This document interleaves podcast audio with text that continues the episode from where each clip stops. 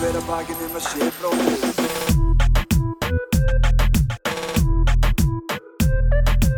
Bera hver að bakinn um að sé bróðir eigi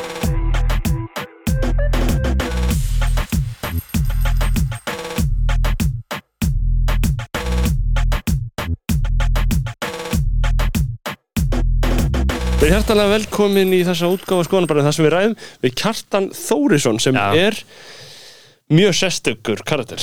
Já maður, King Þáttur Eld, eld, eld, eld, eld stutt uh, stuttur ingangur hérna að þessum við uh, fjármagnum þennan þátt á Patreon patreon.com skástrík skoðanabæður patreon.com skástrík skoðanabæður tjekkja á þessu auka þáttur ykkur einstu viku.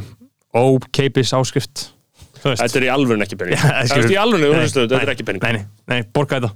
5 dólarar á mánu 10 eða Já. 30 og þá nefnum við hérna upp að þetta eða 10, þú getur listið hana þátt fyrr. Uh, en 30, þeir sem að borga hana 30 dollara á mánu eru fullt af góðu fólki þeir sem að gera það, við lesum þá upp hérna í byrjun hvers uh, þáttar. Segjum sem svo að Kjartan Þórisson verði uh, einhvers konar svona íslenskur uh, Steve Jobs. já, nú, núna fer út um allt Já. Nei, sko, þannig að maður lýsi því Kjartan Þórisson er sem sagt þarna Já, framkvæmtastjóri og, og, og eða ekki framkvæmtastjóri en allavega yfirmaður eða þróunastjóri eða tæk, já, tæknistjóri. Bara hann var ekki vörustjóri. Hjá sagt, tímatali sem er Já. vaksandi íslenskt fyrirtæki og þeir eru að gera mjög merkilega hluti. Núna heitir appið, einmitt, einmitt. Og, og í alvegni bara, við erum pro-business og nú erum við konar út í business. fuck já og, maður. og, hann er ekki bara business, hann er vision. Hann er að tala um visionary. game A, Já, game B, já. þetta er í Já. magnavítal Já, þetta, þetta var geggjað þátti, þetta var fucking king þetta það er Rútur X King Jóhannes Haugur Geithafur uh, skí- Skynsamlega gert hjá honum. hann, Jóhannes Haugur leikari skýri sér þetta King Jóhannes Haugur Geithafur síðan að Andrea Diljá Edvinsdóttir Andrés Benedikt Bjarnason Björgvin Helgi Brynjar Guðmundsson, Erik Ólaf Petró Kings, Kings, Kings, Kings, Kings, Uh, Geoffrey Huntington Williams Hjörtur Páll Hjartar þakklátur. Sveinsson Mask on Iceland. Sko setjum við ekki Mask on Iceland í fyrirtækin eða í, Sko, hann er bara svo mikið OG í þessu. Já, hann byrjaði þetta fyrstur. Mask, Mask on Iceland, tjekkja King Grímur maður, Já. tjekkja á því. Uh, Sindri Kampan uh, Skúli Halldórsson Sturla Snorrason, X Nonni X Ármann Örn Fredriksson Ari Helgason. Síðan eru það styrkja kongarnir okkar styrkja kongarnir tveir, Tandri Snær Trösta Sámikli Ging, borgar okkur 100 dali á mánuði, takk kærlega fyrir það Tandri, hann er búin að vera síðan á degi 1 síðan er að styrkja kongurinn sjálfur hann borgar okkur, borgar okkur 105 dali á mánuði og það er Stefán Daði, hinn eins eini sanni. Hitta hann um daginn, hann var fucking ferskur góður á því, hitti Tandra náttúrulega líka um daginn. Þessi tveir Kings eru hérna að uh, styrkja okkur. Um gífurlegar upphæðir og við Já, kunnum ég bara- virkilega með Ég það. veit ekki hvað ég var að segja, ég var bara virkilega snortinn. Já, síðan er það uh, fyrirtækjaseksjonið uh, það er handból, CBD Og Jólis ég, ég það skal tekið fram, þetta eru ekki auglýsingar. Nei, nei. þetta er fólk sem er að styrkja okkur. Við erum ekki að auglýsa þetta. að lesa CBD er drasl. Ah, Nei, CBD er snilt. Ég, ég las greinum daginn um það væri eitthvað algjört skæð Hver, auðvitað getur þú lesið greinar um allt það sem ég gerði um daginn, ég reykti CBD í Jónu. Ok, það var fucking snilt. Ok, áhugavert. Það var sko, það, óljan er góð sko, þetta er svona slekkur á kvíðanum sko, og leður mann aðeins að róast en ég reykti CBD í Jónu rúlaði upp af sko professional, bara af manni sem hefur rúlað 15.000 jónur. En þú getur sko pottet samt tekið, ég fór að hugsa það þegar ég var að lesa þessa grein um CBD það sem var að segja að þetta væri gagslist fucking rusl. Já, bara einhver heitir þá var ég að hugsa, þú veist, þú gætir 100% gefið manni CBD-olju og þetta væri bara innihaldslaus olja og þú myndir eitthvað, ó, mm, nice. Ég held það, þú, ég veit þú, þú heldur það. Uh, ég I've experienced health benefits. Uh, en þessi CBD Jóna ég veit ekki hvort það hafi verið löglegt eða ólöglegt. Uh, já, þetta var bara eitthvað hver eru skilabóðin þeirra sem þau hafa sett í titilin og Akkurat. þannig brugðið fyrir okkur fæti. Já. við auðlýsum ekki sem fæti Nei, nei, en þeir, þeir bara, þeim er full frjálst að uh, styrkja okkur, hérna 111 dalar á mánuði, handból, CBD jóla, ó, það eru komið nýtt. Tveir fyrir einn af 20% CBD olju tvær oljur á 7990 Black Friday tilbóð handból CBD, handból.is ok, þetta er mjög gott tilbóð Shit, svo advanced Já, sko. tveir fyrir einn af 20% CBD olju, tvær oljur á 7,990 Black Friday tilbúð, handból CBD, handból.is ok, takk fyrir þetta handból síðan er það Byrta CBD sem er þannig sé styrkja kongur Byrta CBD borgar 200 dali á mánuði og djúlkunum að fokkin meita það. Eh, það, skrið, það stendur henni á þeim farðu á byrtacbd.is og notaðu afsláttarkóðan skotana bróðir 15 fyrir 15% afslátt af himnesku CBD. Byrtacbd, byrtacbd Sem ok, er þá, there you have it. Ég held að við höfum ekki lengra og við ætlum að bjóða ykkur inn í hugarheim Kjartans Þóris Hver að bakið um að sé bróðir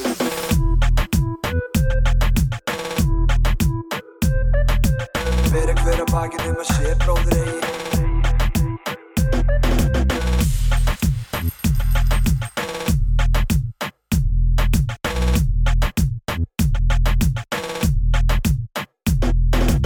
Góða kvöldi kæri hlustendur eða góðan daginn fyrir eftir hvenar þið kveikið á þættinum. Það er kvöld í okkur.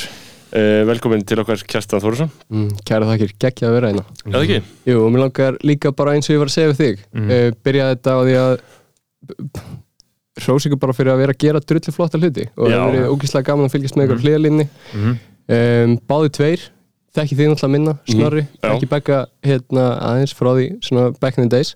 Minna heldur um að myndi vilja samt sem aður Jú, jú, við þurfum að rækta sambundin Við erum að rækta sambandinn En eins og ég segi, gaman að vera hérna Já, Mjög gaman að fá þig að að þig. Eh, Við erum náttúrulega, við vorum uh, við fórum núna, við vorum um árabil þá fórum við villir vegar og vorum anti-business en við erum- orðin Já, pro-business. við erum orðin- pro-kallmennska og pro-business. Já, ertu ekki ánægð með það? Ég bara, ég veit ekki hvað ég stend sjálfur sko, ég Nei. er náttúrulega í business Já. um, það er margt við business samt sem aður sem að hérna, uh, maður er ekkit endilega mestið aðdándin að. Um, og, maður, og ég sjálfur svona kannski í líka bara smá klemmu um, pappi, uh, hann er business gall líka, það er örglega einn af stærstu ástöðum fyrir því að ég er það líka Já. eins og, eins og hérna í ófáum tilfellum. Fólk hefur þessa ríku tilhengu alveg sama hvað hver segir. Já, ég, ég sá svo gott mím það er sko, þú, an, þú annarkvort uh, býr til conceptual art uh, eða að þú verður eins og pappiðinn eða þú deyrið inn í einhverjum skó. Já, það er þrír því valkur en já, en það sem að samt sem aður svona um, það sem að ég tek frá honum er að hann hefur alltaf verið með mjög mikla og svona ríka áherslu gagvart mér varðandi ethics í business. og mér líður eins og það sé svona hérna, já, ég hef ekkert fengið það úr nægilega mörgum uh, öðrum áttum en það hefur verið mjög stert influence og, uh, en setur mér samt sem aður svona líka í klemmu út af því að ég er mjög meðvitaður um það að það eru tölvert stærri vandamál í þessum heimi heldur en þau sem að ég uh, mæti í vinnuna til að leysa á hverju mennsta degi. Já, en við þurfum öll að borga reikningana. Já, við þurfum öll að setja mat á því.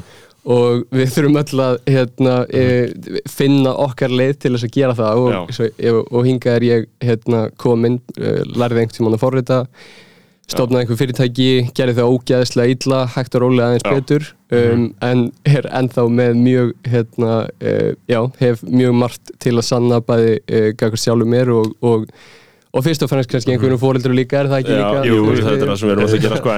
Ég var að horfa á heimilda þáttum Trump í gær og það var eitthvað svona fólk að tala, tala um hann og þetta er sko eina fólki sem fæst til þess að tala í svona heimildamöndum er fólk sem er, þú veist, disgraced frá aðilanum Já, já, en, en samt var fólk að segja, þú veist, og það var gauður að tala um þegar Trump var að stopna kasínóin í Vegas, eða það var ekki Vegas, Atlantic City hérna. Uh, og það var huge sko því að kasínóin höfðu bara alltaf verið mjög rótgróin og þá varst ekkert að koma inn og fara að fokk í Caesars, skilur en Trump reisti bara jafn stórt kasínó við hliðin á Caesars, skilur, Já, já. þú veist, þetta var bara í 80s þegar hann var bara að verða ríkur. Og gaurarnir sem unnum með hann þar voru að segja bara, þú veist uh, uh, og spurðu bara veist, hvað, hvað values er hann hvað gildi hefur hann? Og gaurin var bara, gaurin hefur engin gildi, veist bara hann sér heiminn bara alveg svart og hvít. Uh, bara, þú veist, vinna og tapa. Og þetta er líka því að Logan Roy sagði það í Succession að sometimes it's just a big dick contest skilur er þetta, þú veist, ég meina, þú veist er einhver, er eitthvað, raun, er eitthvað, raun, er eitthvað til í því þegar fólk er að tala um ethics í þessu? Þú veist, þegar á svona high level, skilur það eru bara svo margar leiðir til að spila hennar leik Já. þú veist, það, og hérna ég og Jón, viðskiptafélagi minn og, og minn besti vinnu, við segjum oft sko að fyrir okkur er fyrirtæki bara faratæki til þess að lifa góðu lífi Mhm. og þú veist, þetta er bara einhvað þetta er, þetta er kennitala þetta er uh, ímyndað konsept sem að getur, þú veist, búið til tekjur og uh, svona bara stakkað upp virði í gegnum tíman um, en samt sem áður að þá verður einhvern tíman að þú veist, horfa, eða zooma eins út og spyrja þig hvað, hvað ert að reyna að gera og hvað áhrif ætlar að hafa. Og svona hérna sjálfur uh, hef ég lent í ýmsum upplöfunum uh, í gegnum mitt líf sem hafa svona ítt mér í áttina því að vilja innilega hafa mjög jákvæð áhrif á fólkið kringum mig um, og í draumaheimi bara samfélagið í heilsinni Já, um, sem er svona líka kannski ástæðan fyrir að maður er komin hingað. Uh, maður hefur uh, svona to be honest hef ég verið í rosalega mikill í búblu núna sérstaklega frá því í janúar þegar við tökum við hérna þessari fjárfestingu Já og þannig líka að við lýsum því aðeins fyrir það, Þú ert, eh, það, lý- lýstu því? Hvað ertu að gera? A- ka- kannski áður nú lýsi því við tökum smá bara career trajectory eh, frá því í byrjun. Eh, Kjartan, þú ert fættur 95, þú ert úr Vesturbænum þú varst í Vestló. Uh, þú ert college dropout. Uh, heldur betur, en já sko hérna, var náttúrulega með þér í Vesturbæjaskóla líka í fyrsta og öðrum bekk. Og ekki við höfum verið saman í bekk og hérna, en en ok, þannig að sagt, veist, þessi saga byrjar í rauninni bara á því að ég er þarna í Vestló, mm Mhm. mann ekki hvort það ég hafi verið í fjórða eða fymta bekk eða, eða eitthvað þannig og Mhm. ég var svona frekar fljótur að fá skóla leiða Mhm. um, svona gekk, þú veist, yfirleitt bara nokkuð vel í skóla en það var einhvern veginn ekki að uppfylla ákveðnar, svona, ákveðnar þarfir sem að ég hafði til, aðalega bara til þess einhvern veginn að láta eitthvað gerast og hérna var svona, svona frekar uh, já, bara alltaf með einhverju svona löngun til þess að láta uh, framkvæma eitthvað. Um, og kynntist þarna Jóni Hilmari og, og Viktori Túlin uh, í Versló.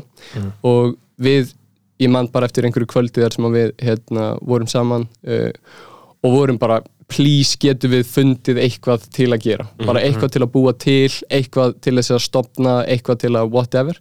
Og hérna, þá hafði Viktor Túlin einhvern veginn, hann er alltaf hérna, hefur sína leiðir og er svona smá lokalegur í, hérna, í öllu sem hann gerir. En um, sem sagt, hann þekkti þá til einhvers migradúr í, á Norðurlöndunum sem var þá með einhverja svona uh, svona verslunarmiðstöð fyrir fataverslanir á netinu. Já, og við bara, ok, þú veist þetta er bara eitthvað sem ætti að vera til hérna á Íslandi við skulum bara let's segja búa þetta til.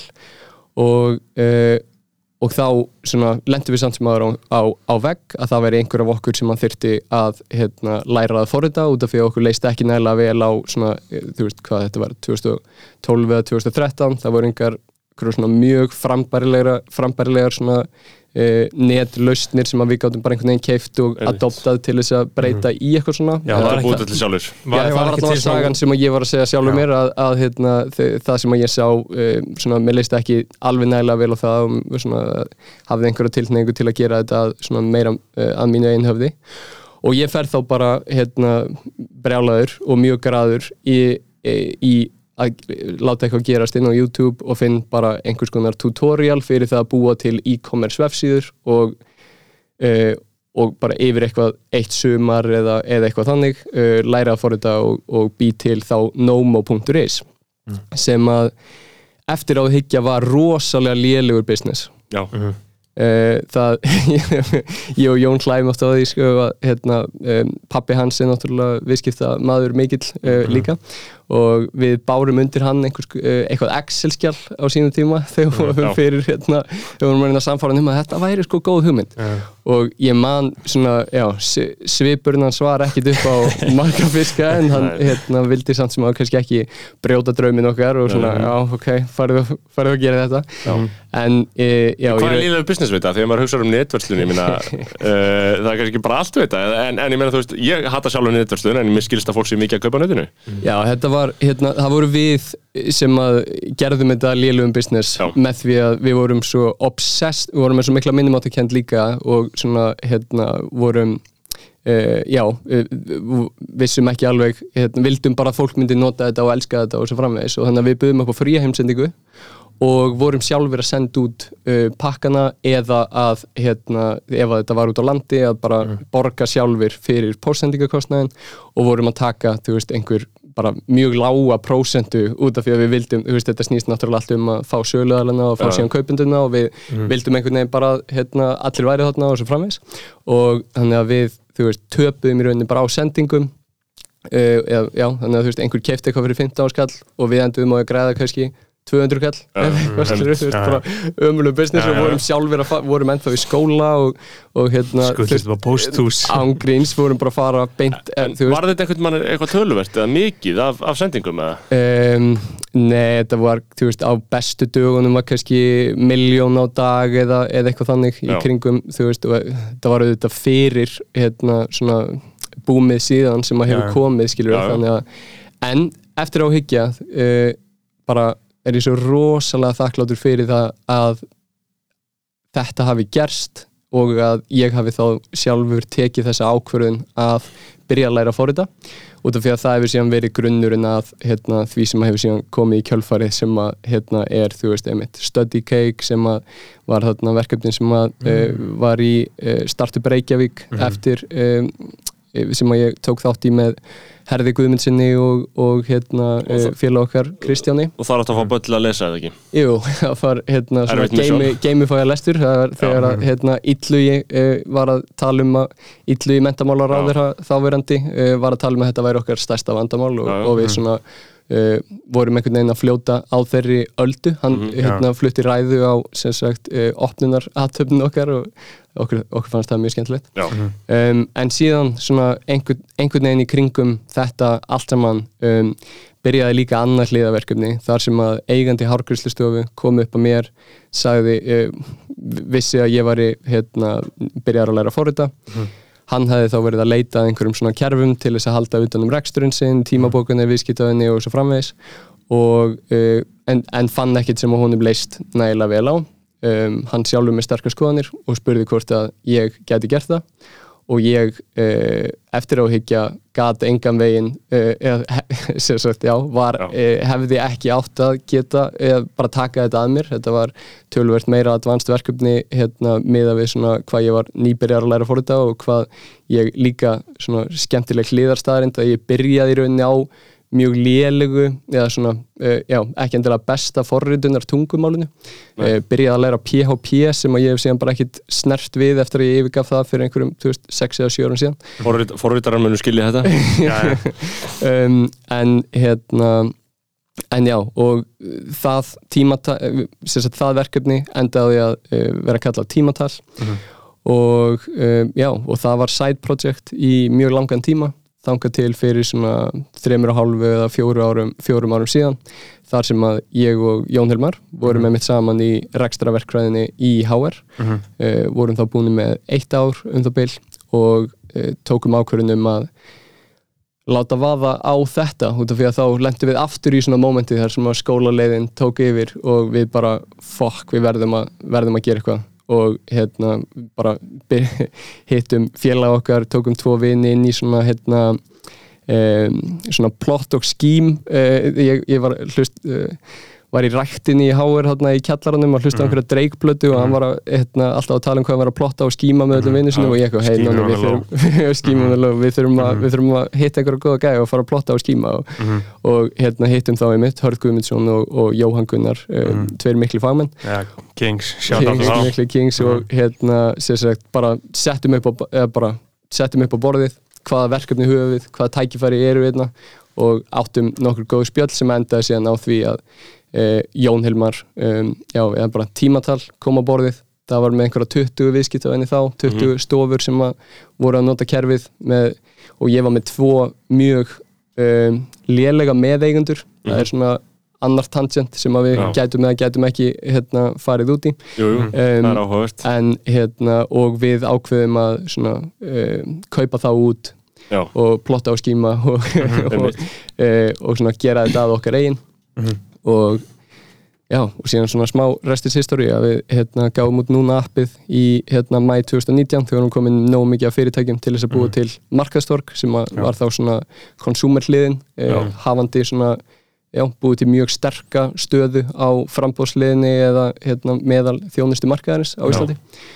Um, og, og já, og tökum sér einmitt og þá til að færa okkur inn í hérna þar sem að þetta, þetta ótrúlega langa rand byrjaði. Mhm, að það er er þá hérna uh, kynnumst uh, þessu þessum mjög svo áhugaverðu einstaklingum á bakvið SaltPay já, í uh, miðju COVID. Og okkur líst vel á þá þeim líst vel á okkur. Við deilum prinsipum, deilum gildum deilum að miklu leiti sín og um, og já, og þeir hérna, ákveða að leiða fjárfestingar ránd í, uh, sem að er síðan lokað í byrjun janúar á, uh, á þessu ári, 2021 uh, og og já, og ég, þannig að það er svona það sem hefur verið að, að, að reyna að nota þá peninga vel, hefur Og síðan við- verið mitt, hérna, minn fókus undanfarnar manni og ef við útskýrum aðeins uh, í fyrsta lagi fyrir mér en hins vegar líka hlustundum uh, hvað í fokkan gerist í svona fjárfestingarándi og hvernig, ég meina þú veist hva, hvað er að tala um? Sko, þið eru nokkur gaurar og síðan kemur fjármagn. Þú veist hvað, hvað, hvað Uh, kannski fyrst Mhm. áðurinn fyrir mig það sko núna, appið. Uh, þú veist, fyrir hlustandi sem þekkja það ekki.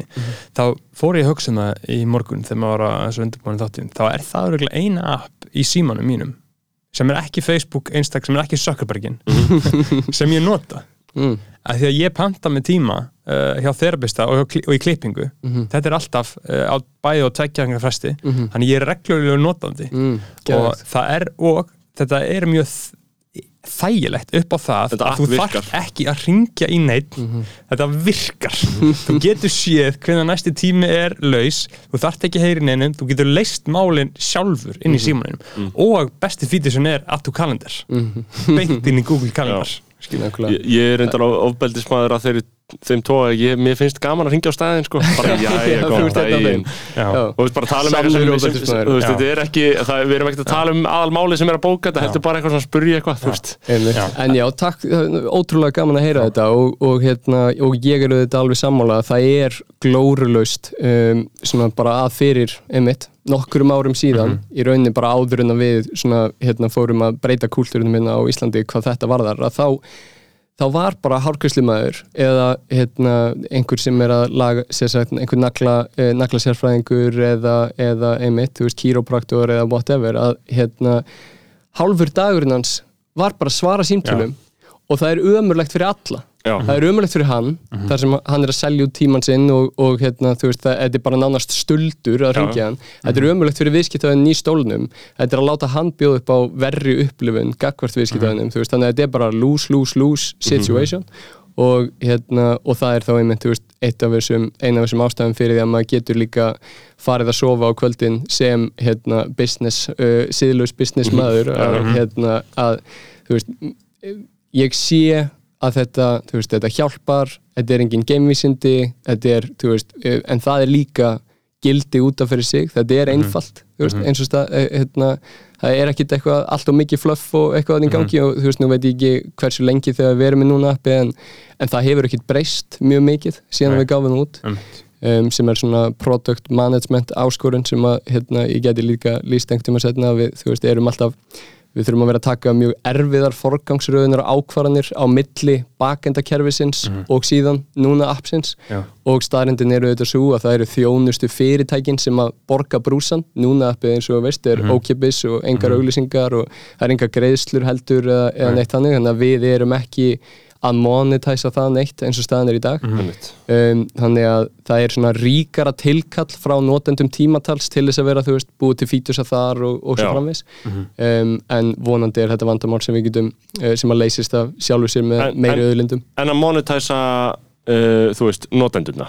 Já, það núna sem notendum mig, þú veist, ef ég er að inni Já, ef þú færir að selja mig, skilur við vilt ekki selja mig því Ég vil ekki selja þig, það er verið að selja mig út um allt ég er ég- af þessum ókipis öppum, skilur og ég er 100%. varan já ég, hérna, ég vil ekki selja. Nei. Ég, hérna, og það er svona um, og nú er ég uh, svona já um, ábyrgur fyrir því að vera að færa vöruna í rétta átt er titlaður svona, ég er stjórnaformaður en svona day to day skilduna mínar snúast um það að vera vörustjóri og, og já, það er hérna, við viljum sagt, mjög, mjög mikið vera að finna svona svo kallar omni-win uh, lausnir og leiðir sem Já. að eru þá, þú veist, meira heldur en win-win af því leitinu til að bara allir stakeholderarnir í jöfnunni séu að græða og að vinna og að fá einhvers konar benefit. Já, og en hafandi sagt það þú veist, einhver tíman þá er samt alveg þú veist, það er alveg hægt að búa til leið þar sem að núna sem fyrirtæki er að græða á þér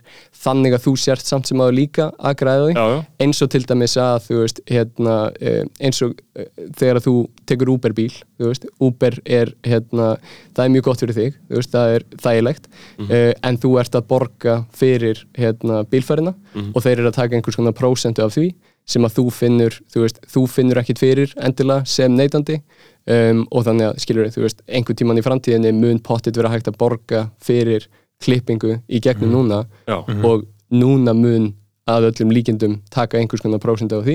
En það er win-win, þú veist, það er omni-win. Það er, Já. hérna, þá þarf hárgræslu daman ekki að eyða tímanum sínum í að, þú veist, hérna, eitthvað að vera í og e- eitthvað svona leiðilegt og óþægilegt moment, þú, það er svona daldið dörti Já. að borga einhverjum fyrir, þú veist tíman sem hann var að veita, þú veist, það er svo fallegt ef maður geti bara mitt lappað inn og lappað út og bara Já. allir eru vinnir og viðskiptin eru Búið bara að svona ákveða ósýnilega á baku tjöldin. Eh, það svona breytir þessu aðeins hérna, hérna svona, Já. já.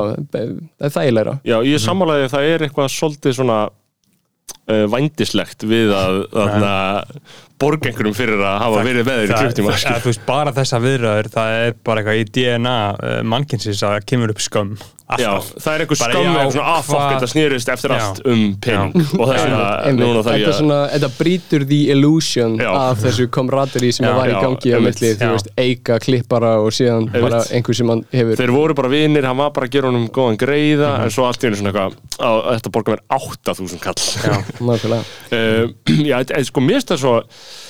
þarna, þú veist, hvernig orðar þetta skilur það bara svo, þetta er svo spennandi heimur. Þetta er spennandi, eða ekki? ég, annars væri ég ekki að gera þetta. Um, en sa, sko það sem er síðan svo áhugavert er tækifæra svona mengið.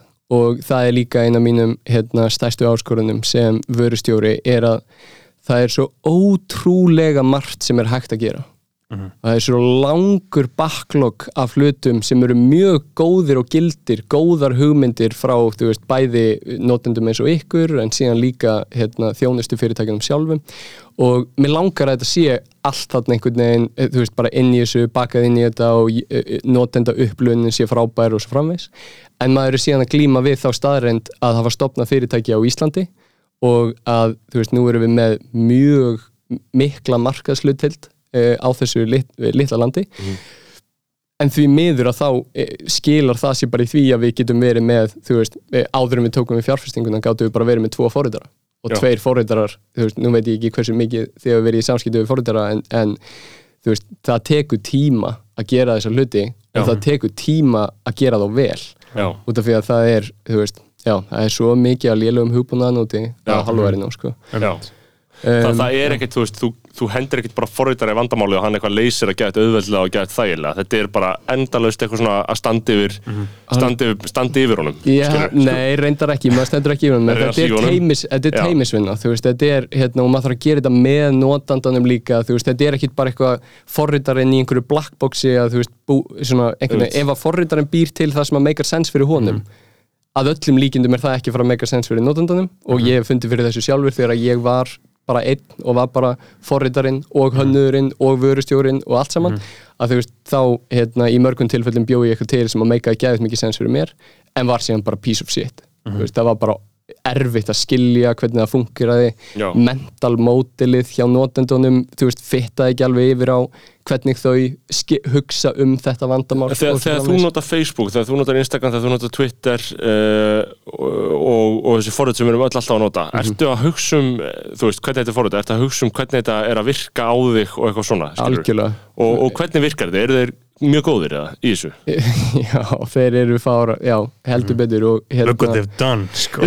look, Já, look at the damage they've Já. done sko. en, Já. en líka þú veist, já, þetta eru eins, á þessu máli eins og öllum öðrum eru tvær hliðar og þeir hafa, þú veist, þessi fyrirtæki hafa gert bæði mjög jákvæða hluti og neikvæða hluti Já, en, um, en staðrendin er svo að þau eru að standa sig mjög vel í sínu grundhlutverki sem er að manipulata uh, sálfræði sálfræðin okkar og bara svona neandertals manns hérna bara þú veist þessi hérna já, bara þá hluta af heilanum okkar sem eru innst inni næst amygdölinni og þeir eru að hérna, já, þeir eru að standa sér mjög vel í að breyta því í tekjur fyrir, hérna, fyrir shareholders því að þetta eru náttúrulega allt, allt public fyrirtæki og það að vera með public fyrirtæki by the way, það breytir öllu, Já. eins og þegar við séð í Succession til Já, dæmis, já. að þá, þú veist, þá er þetta allt í einu orðið að, hérna, og þess vegna var hérna, Logan að reyna, þú veist, að taka félagið private, Mhm. út af því að þá voru,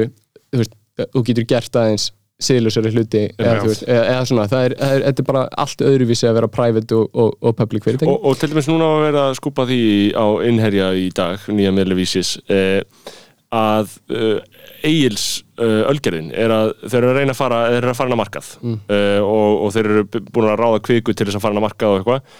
Uh, að þú skilur munin á þessu að vera á engamarkaði og að vera að vera, vera, vera bara fyrirtæki versus það að vera á í kaupöll hver er munin á þessu, hvað heldur að, muni, hvað heldur að geti breyst til mig sjá ölgerðinni, skilur spyr, spyr samt ekki veit bara, veist, bara með insýnin í svona rekstur Já, nú þekki ég náttúrulega í rauninni bara eina hliðina Já. af hérna, peningnum sem að er að vera með einhver ekki fyrirtæki Já. en um, þetta er góð spurning og sko í rauninni þá held ég að verði bara tölvert leiðilegra að vinna hjá ölgerinni já, um, og það verði svona bjúrokrasja sem að hérna, kemur inn sem að veist, einhvern veginn lengir ferla og, og mér finnst alveg- alvarlegra. Já, ég, það, það, ég þekki fólk sem vinni hjá skráðum félögum, þetta er annað. Þetta er annað og þetta, ég vinn hjá skráðum félögum, þegar ég já, nákvæmlega, góð fótur já, um, en, en já, þannig að það sem ég finnst í rauninni bara líklegt er að þeir munu hafa eitthvað aðeins, þeir munu hafa betra aðgengi að, að peningum, þannig að þeir munu geta fjármagnað uh, líklega stærri verkefni.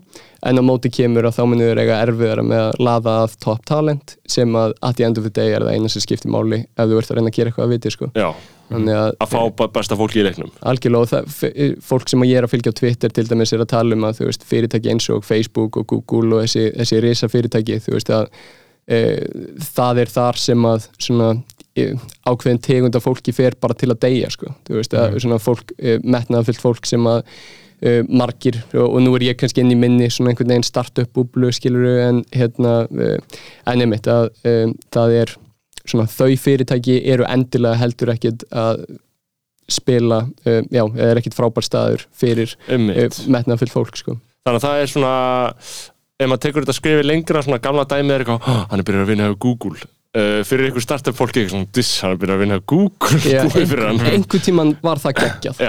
Einhver tíman var legendary að byrja að vinna á Google. En Pingpong í vinnunni. Eh, já, í- þú Já, veist, já, og bara bara vera að leysa þessi vandamál veist, sem þeir voru að gera þarna alveg í byrjun þú veist, Mhm. eða alveg í byrjun og, og svona uh, upp, já en, en núna, þú veist það er allavega kannski aðeins minna legendary núna og, og ekki bara út af að það eru þú veist, hvað, ég held að séu 200.000 starfsmenn sem Já. vinna fyrir Google, það er ekki bara út af því heldur út af því að hérna, þú veist, þú veist bara komin svo langt frá kjarnavandamálinu og kjarnainnovationu, það er eitthvað svona þú veist, að öllum líkindum er eitthvað svona kjarnateimi af, þú veist, 500 til 1000 mann sem að eru raunverulega að provæta, þú veist, allt valjúið og, og að búa til þessa rosalega, þú veist, Google hérna, er í rauninni bara einhver mesta peningamaskina sem að Já. hefur nokkuð tíma verið búin til Já, og það já, er bara hats já, off til þeirra, veist, þetta er bara þetta er gjörsamlega magna og þeir eru, þú veist, ég, núna bara ég, ég man ekki nákvæmlega tölurnar en ég held bara núna seinasta ársjónungi eða eitthvað þannig að þá voru þeir að auka hérna, tekjur og, og held ég hagnað um 40% á rosalegum basa samt sem Já, áður, já, þú veist, það er, bara- það er já. eitt að æst, hérna, vaksa sem, um 40% sem startup en þeir eru Já. Google en Já, já. ennþá að Google. vaksa Já. um 40, 40% er svo galið sko. já, þannig að Og hvað þýr þetta fyrir okkur? Að- Vennlegt fólk Já, það er Er þetta ekki stórhættulegt? um, Góð spurning Sko, Google er ekki um, er ekki stórhættulegt held ég eins og staðan er í dag. Google er raunverulega að gera ótrúlega verðmætan hlut Já. og við skuldum Google sem samfélag alveg brjálaðislega mikið. Og þannig að því, að, svona af þessum fyrirtækjum þú veist, já, ég er allavega ekki ég er ekki ósáttur út í það að Google séu að sko framleiða peninga eins og hefur aldrei sérst í, í mannkins sögunni. Uh, staðan er náttúrulega þannig að stopnendur Google samt sem aður, hérna, þeir eru ég bara heyrt, þú veist, nú þekki ég þau ekki en maður heyrir og hérna, heyrir sögur af, af fólki sem að þekkir á þessu framvegis að þeir eru bara mjög detached frá rekstrinum Já. núna, þeir eiga bara einhverju reyjur og eru bara orðnir, þú veist, mjög svona freka miklir sérvitringar sko, að, að einhverju leiti mögulega skiljanlega. Ég Og- veit ekki hvað maður myndi gera í þessari stöðu, ég er Já, já. Ég væri líklega bara að funda einhvern fasist einhvers stað bara upp á flippi sko. sérstaklega þegar þú, þú, veist, þú þarft líka að vera ákveðin tegund af einstakling til þess að búa til eitthvað eins og Google Já. og vekkferðin sem að það hefur náttúrulega verið, þú veist, þetta er, þetta er bara galið Já, um, en, en sko ég er mjög hrættur samt sem aður við hérna Facebook og Mark hérna, uh, Mark, Zucker, Mark Zuckerberg já, Já. um, og svona þessar, þessar meta uh, þróanir Já. allar eru alveg rosalega áhugaverðar og, og svona Hvernig lest þið þetta? Sko það verður áhugavert að sjá hvort að VR eða AR muni hafa meiri áhrif á uh, hverstagsleikan og ég veit ekki hérna, ég, ég ætla ekki að fara svo langt að spá því fyrir.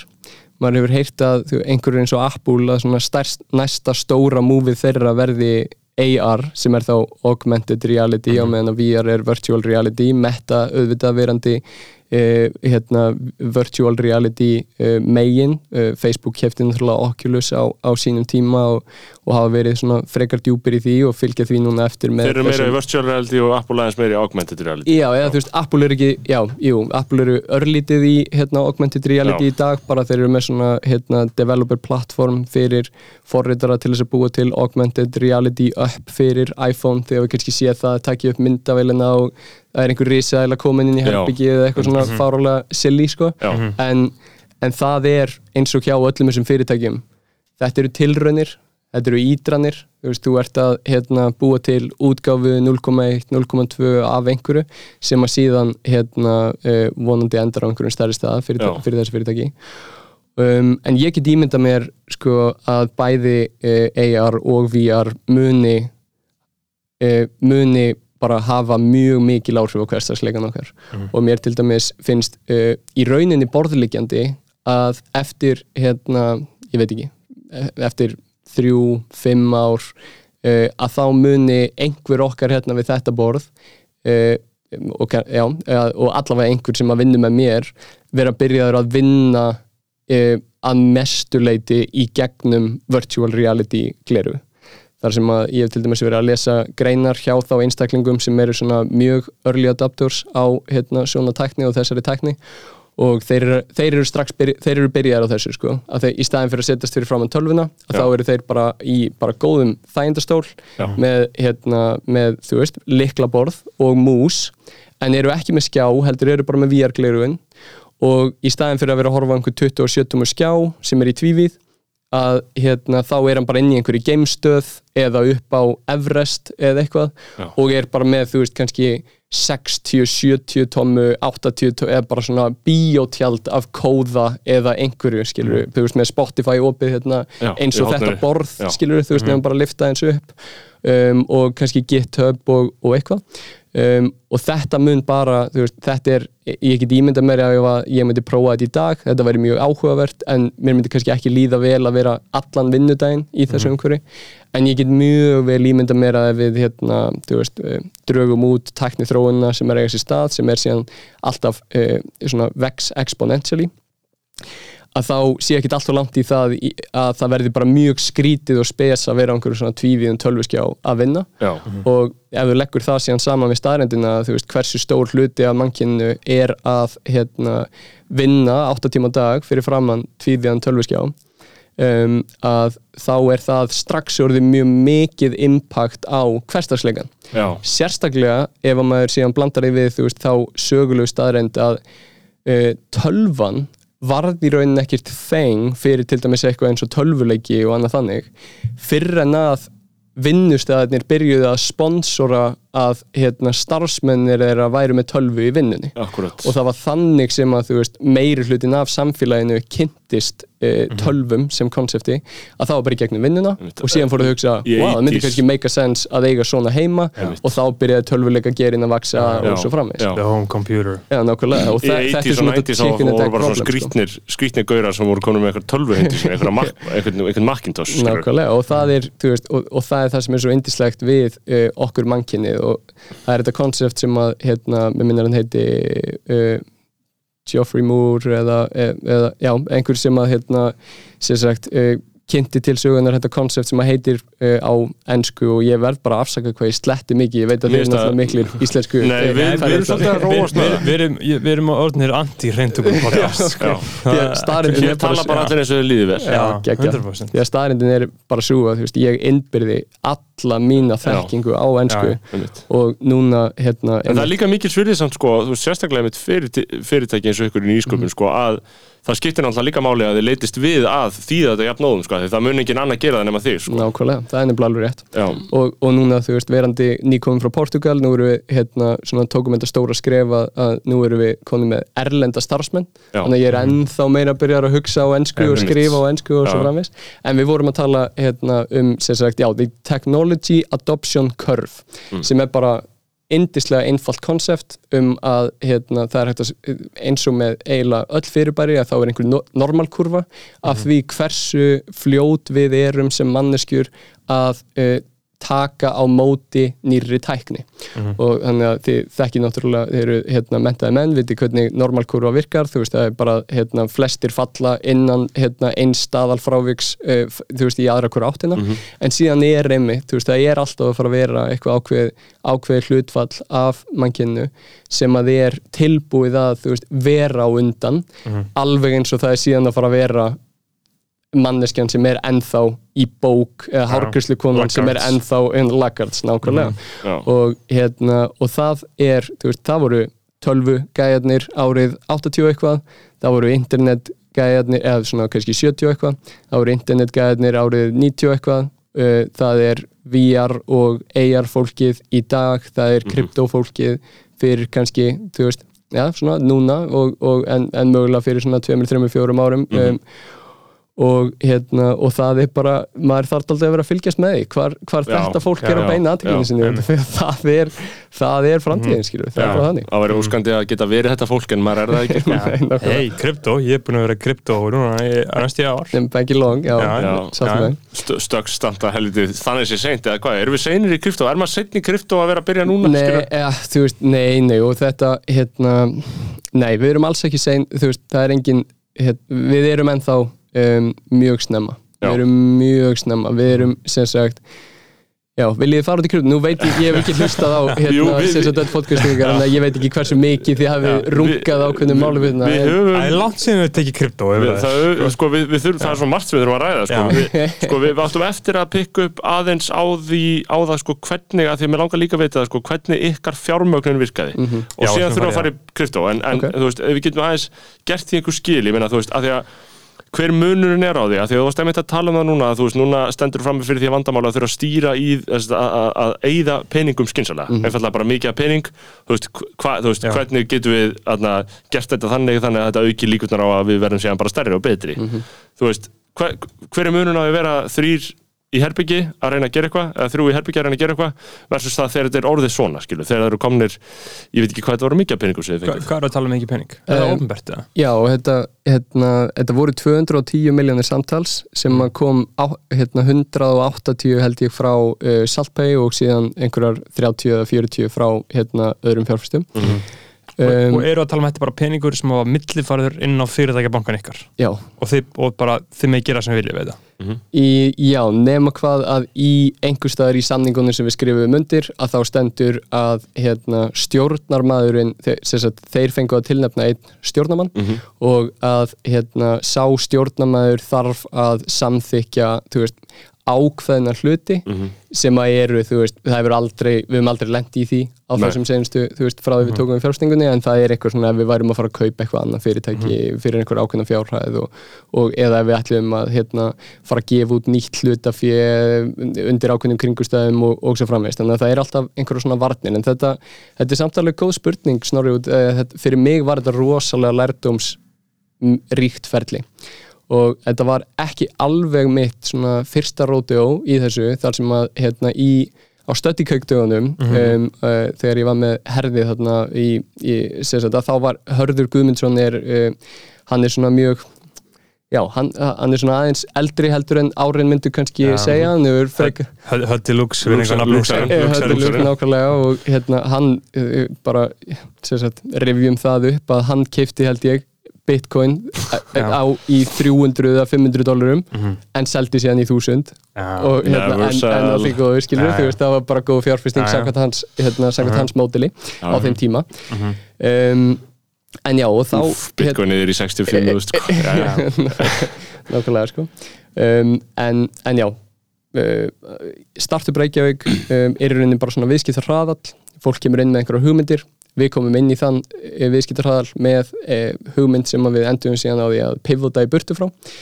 Og uh, síðan heldur sagt Startup Reykjavík svona kynningu, fjárfesta kynningu í lok sömarsins þar sem að þú veist mjög mörgum stórum fjárfestum á Íslandi og annar staðar er bóðið og öll fyrirtækin fá að pizza og ég var hérna með það pitch og var þá svona hérna keirandi á einhverjum uh, einhverjum morfís uh, dögum líka sko og þannig að þú veist ég svona fór daldið all in í það og, og það bara ja, reyndist mjög vel. Og það var einhver svona einn aðalgæðin þarna einhvern veginn eh, sem talaði í fjölmjölum um að hérna, nefndi, nefndi þetta einhvern veginn sérstaklega þessa kynningu og, og þannig að í kjölfarið af því að þá fengum við áhuga frá fjárfyrstum og byrjuðum að ræða einhverja svona mjög mikla spróta fjárfestingu ef einhverja 30 miljónir fyrir hérna 20% hlut eða, eða eitthvað þannig. Um, en ég og Hörður uh, lentum síðan í rauninni á þeim svona andlega vegg að við þurftum að horfast í augu við hvern annan og spurja okkur uh, og líka horfast í augu við sjálf okkur í speiklinum og spurja er þetta eitthvað sem við erum tilbúinir að gera næstu fimm ár, þú veist, eða 5 Study til 10, gigs, 15 já. ár, já, study gig Já.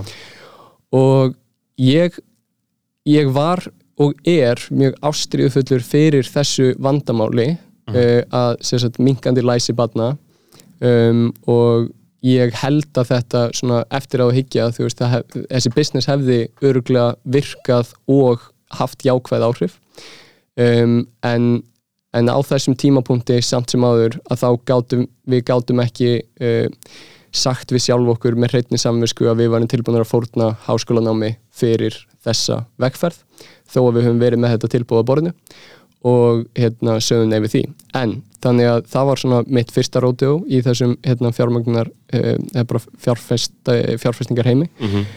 um, en síðan hérna var þetta töluvert veist, þetta var svipað en líka aðeins öðruvísi með hérna Saltpay um, en í grunninn snýst þetta bara um það að uh, við sem sagt, já, við hérna, þetta snýst bara um að saminast um gildin, prinsipin og sínina og að geta raunverulega hort í augun á þeim sem er að fjárfæst í þér og fundið fyrir því að það er traust og trú í báðar áttir. Já, fólk sem segja satt. Já, nákvæmlega búlsita nákvæmlega og að hérna og, og þetta er svona, þetta er mjög intimate, þú veist, þetta er hérna svona að, að einhverju leiti ert að fara í hjónaband með aðilanum og þannig að það að taka inn slæman fjárfesti er mjög eitrandi fyrir fyrirtæki og Já. það getur algjörlega Já. brotið hérna bara, þú veist, það getur brotið fyrirtæki Já.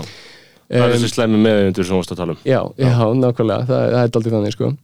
en, en við fundum bara í þessum hérna, einstaklingum, Ali og uh, Edu Pontes að þetta var, þetta er fólk bara sem er að gera hluti á allt öðrum kaliber heldur en við höfðum kynst hérna á Íslandi og eru mjög sko, þetta eru alveg bara virkilega klári menn.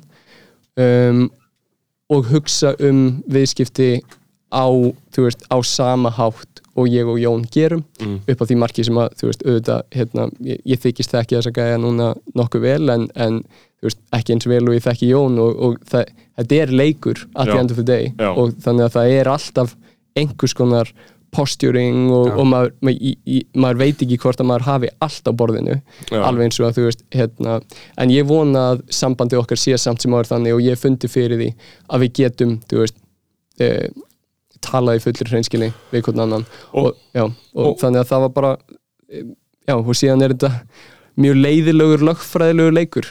Sem að fylgir þessu líka. Já. Sam, þú veist, og, og svona game theory samningavirðaður sem, að- sem að blandast líka inn í þetta. Um, Þannig sitt gerir mig mjög kvíðin að þurfa veginn að vera að reyna að fá sem mesta pening út úr einhverjum, skilur?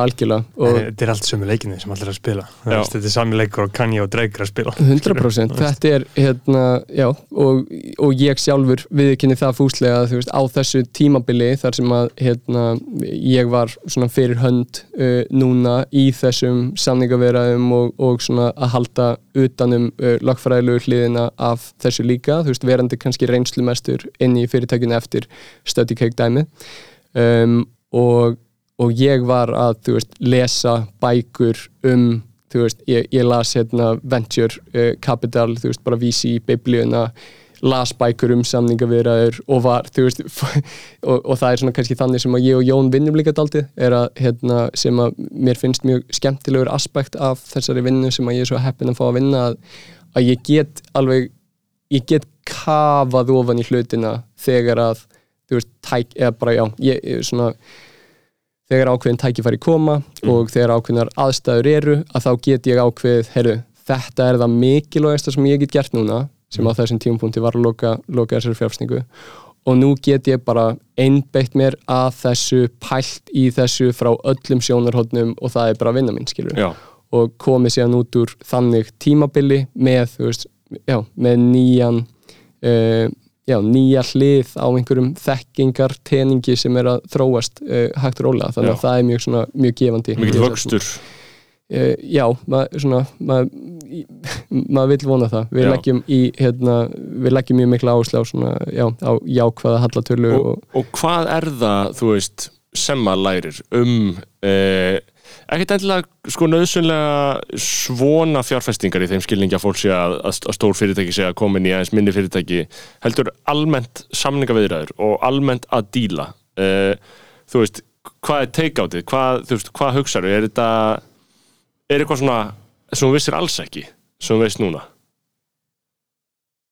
Já, ég myndi alveg klálega að segja það að ég vissi mjög lítið um þetta, maður veit maður veit rosalega lítið um lífið og um ákveðna hluti áður en maður fer og virkilega deep divar í hérna, ákveðna rannsóknarvinnu. Mhm. jafnvel eftir það líður mér eins og ég viti ótrúlega lítið um þetta allt saman og ég gerir mér svo mikla grein fyrir því þú veist hvaða eru einstaklingar hann úti sem eru sko, sem að myndu geta mig og hérna í þessum hérna, í svona þe- Alvöru þessari, leikja, í þessari leikjafræði og, og valdið líka þú veist, þetta snýst alltið um vald af því litinu til að, þú veist, og maður finnir á mjög mikið til dæmis hjá hann Logan líka í Succession og nú veit ég, hérna gerir náttúrulega skemmtilega þætti um, um Succession. Við gerum ráð fyrir að til hlustendur hafa en það er einmitt svona það eru hlutir sem að hann gerir drullu vel sem að svona bara úsa einhverju valdi. Já, já, Já, bara nei, er- Já. nei, nei, Já, nákvæmlega. Nei, nei, nei, nei. og er oft, hann er oft mjög þögull Mhm. segir kannski bara mm, þegar einhver er búin að spúa út úr sér einhverju Já, svona já. tilfinninga hérna, bara Já. svona líður mér. Mm.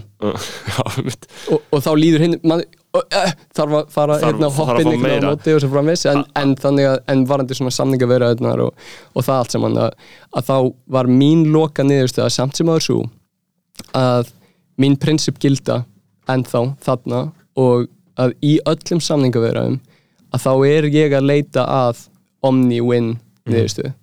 Ég vil ekki uh, ég vil ekki skilja neittn eftir með hérna, súrt bræði munninum út af því að það er bara leiðinlegt.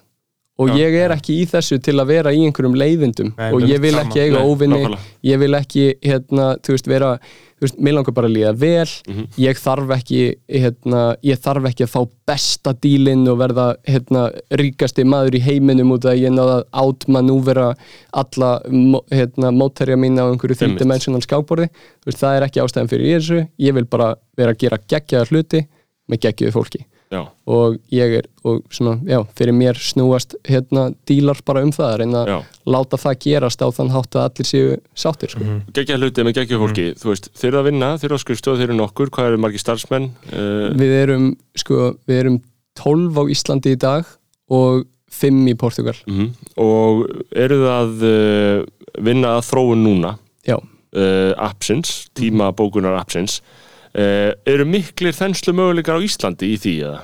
mm, Þurfum við að fara ekkert? við, við þurfum að hérna, við þurfum að hugsa út fyrir landsteinina þetta er, þetta er, það er rosalega áhugavert, finnst mér að horfa á og hugsa um íslensk fyrirtæki og svona pjúra íslensk fyrirtæki. Því að það er eitt sem að einkennir þau öll er að þau enda á því að þurfa að vaksa út til hliðana út af því að það er bara ekki nægilega stór markaður fyrir, þú veist, bara tímabókunarkerfi eða Já. bara hérna, eitthvað borðapöntunarkerfi eða bara eitthvað annað skilur. og það er þess vegna sem að öll íslensk fyrirtæki rekast einhvern tímann á vegg og átta sig á því, ok, heyrðu, við þurfum að dreifa aðtiklinn okkar, við þurfum að hérna, ná, ná í þessar tekjur sem eru hérna til hliðana og svo framvegis og, og við höfum sjálfur fundið fyrir því um, og við erum til dæmis svona ein af tækni skuldinni eða skuldinni sem við sitjum með er að við höfum teikt okkur mjög mikið við erum með fítusa í kerfinu sem að um, svona, já, eru þú veist, mér langar ekki að segja sérsniðnir að einhverjum einum aðila eða eitthvað þannig en eru samt, um, já, notaðir af daldið fáum Já. uh, í, svona á, á þessum markaði sem að hefur haft þær jákvæðu afleðingar að ég og Jón og bara við hjá núna erum rosalega með, við höfum svona þurft að fara í mjög mikla intellectual fimmleika að þurfa að átt okkur á því hvað er hægt að gera með hugbúnað til þess að búa til peninga á þessu, hérna, á þessu eða bara búa til hérna, fyrirtæki á þessu litla landi. Um, og ég held að það muni gagnast okkur líka þegar að við séðan erum núna byrjuð að vaksa erlendis. Svo rannsókn að vinna. Já, súrannsóknarvinna og svona hérna, það uh, þandi hugan á ákveðin hátt sem að mun vonandi einhvern tímann skila sér. En á móti kemur að þá erum við í smá svona, já, við erum ekki að hreyfa okkur eins hratt á vöruþróunarsviðin eins og við myndum vilja vegna þess að við erum með ákveðna skuld tengt við að hafa teikt okkur of mikið sem er svona íslenska uh, conditionið í rauninni fyrir Og, fyrirtæki sko. og uh, en gjaldmiðin á Íslandi. Ég var ekkert mann á einhverju viðskiptaráðsþingi og mér fannst einhvern veginn allir sem eru nýsköpun segja, þú veist, djújöfull er þessi gjaldmiðl pyrrandi. Já, það, það verður mjög áhugavert við munum í rauninni ekki byrja að finna almennilega fyrir því fyrr en núna sem sagt ég fór til hérna uh, Lisbon fyrir bara tveimur og hálfum mánuði núna með Jóni Hilmari og Ráni Solt kærastinu minni og verðandi eiginkonu og, og Önnu Dís hérna kærastinu hans nonna. Og það var í rauninni bara þá sem að við vorum fyrst komnir með erlenda útgáfu af vörunni. Því að þegar að ég var að búa til tímatal back in the days þá var ég ekki að ég var ekki einhver Machiavellian genius vitandi nákvæmlega hvað var að fara að gerast og hvernig ég ætla að hérna, taka yfir heiminn og tímabókunni landslæð þannig að kerfið var svona veist, allir strengir allir textar voru bara harðkóðaðir á íslensku og hérna plus 354 var bara fullt af stöðum og isk og svo, þú veist, Já. svona hlutir sko. Þannig að það tók alveg lúmskan tíma að bara taka það allt saman í gegn og abstrakta það eins og við talaðum í tölunafræðinni og að- gera það á þann hátt að það væri hægt að veist, gera það alveg eins í Port, veist, að opna í Portugal með, hérna á eh, viku, opna í þú veist, síðan Rúmeníu og, og síðan í Bandaríkjónum og svo framvegs og það var ekki fyrir bara núna hérna fyrir tveimur og hálfu mánuði sem við vorum komnir á þann stað. Og núna erum við fyrst að fara að finna fyrir gjaldmiðla uh, vesennu þannig að ég get kannski bara gefið betra uppdætt með það Já, já, ég er í- spenntur í að heyra næsta skipti En það, það, það hefur líka verið umræða um það um, það er svona samtök yðnarins hafa verið að bankast í Reykjavíkuborg fyrir að vera að koma á kopp í raun og veru mjög svona stóru að því er veriðist hugbúnaðar þróunar batteri innan borgarinnar milljaða prójekti. Mm. Það sem að samtöku innæðins eru brjáluð yfir eru þetta bara að borgin sé, hefur ofnbæri að sé að þú veist, í raun og veru fara inn á sviðið, Báknið. Báknið er að stækka. Já, já. í staðin fyrir að í staðin fyrir að eins og, það, eins og þar segir að, að enga framtæki sé virkjað í þessu skinni og að þú veist þetta er basically ef að borgin þyrfti að uh, fá tímabókunarkerfi fyrir alla uh, 100.000 félagsrákjána sem vinna hjá þarna borginni uh, og þau myndu byrja frá byrjun og þróa sitt eigið kerfi í staðin fyrir að fara bara núna og fá góðan díl skilur þú veist, hvernig lítur á þetta? Viljið þið ekki, af því að talandi um íslensk fyrirtæki og sér íslenska dæmi þá eh, eru þetta all sterkustu og öflugustu fyrirtækinu í Íslandi þau sem eru komin einhvern veginn með góða díla við þið opinbera skilur, það er það er nefnilega rétt sko. óþrjótandi lind. Advanja og Origo. Advani og Origo, ég meina, þú veist, ef fólk bara vissi og- ef að fólk, þú veist, af því að, því það er talað um Advani og Origo eitthvað sem, sem, sem, sem var flott og fyrirtæki og ég, ég ætla ekki að hallmæla þeim og þetta eru öflug mjög stöndu fyrirtæki en ef fólk bara vissi að þetta er þú veist, þau eru bara, sjáum bara töl, tölvukelfi hjá hann opinbera, skilur, þetta eru basically opinber fyrirtæki, að einhverju leiti, skilur. Er algjörlega ekki öll þessi bandarísku fyrirtæki þannig? Bill Gates og allt Jú, þetta jú, líka það líka. Eitthvað, einhver, Jú, eitthvað allavega- her, hergagna mjög mörg af þeim sko. Það er, það er engin spurning. Um, en já, ég hérna við höfum eitthvað snert reyndað, snerta heið opinbera og erum Já. með einhverjar opinbera stofnanir sem sko viðskiptavenni Já, um, eins og krabbamennsfélagið og stígamót og kvíðameðferðastöðuna og, og svo framvegis. Þannig, um, og við höfum svona tekið þátt í einhverjum svona keppnum þar sem að einhverjir hérna, dílar voru í bóði eða eitthvað þannig það hafa svona einhvers Útboð. konar já, einhver útbóð, nákvæmlega. En við erum ótrúlega lélegir í, eða léleg hjá núna eða með lélegt track record allavega af því að sækja svona styrkjapenning og, og eitthvað hérna, svona uh, flúf frá hennu ofinbera já, um, þannig að mín afstafa einmitt núna er einhvern veginn svo að við ætlum bara einbytt okkur að því að hjálpa uh, núverandi viðskiptaðanum okkar leysa vandamál fyrir þau og á einhverjum tímapunkti að þá vonandi verður mjög lókist fyrir uh, hefðu ofinbera að, að nota okkur eða ekki og það skiptir mig í rauninni bara einhver máli.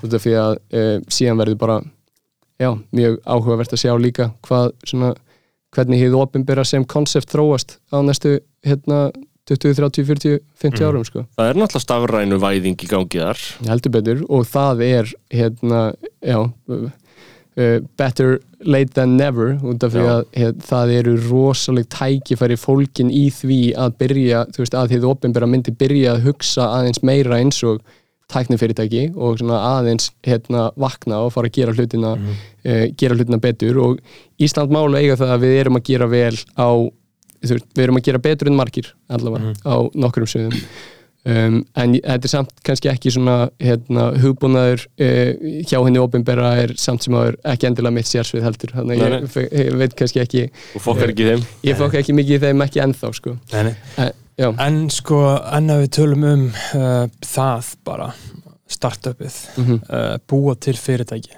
sem bara svolítið svona abstrakt koncept, þú veist, hugmyndin, skilur. Mhm. Hugmyndir eru svo erfiðar.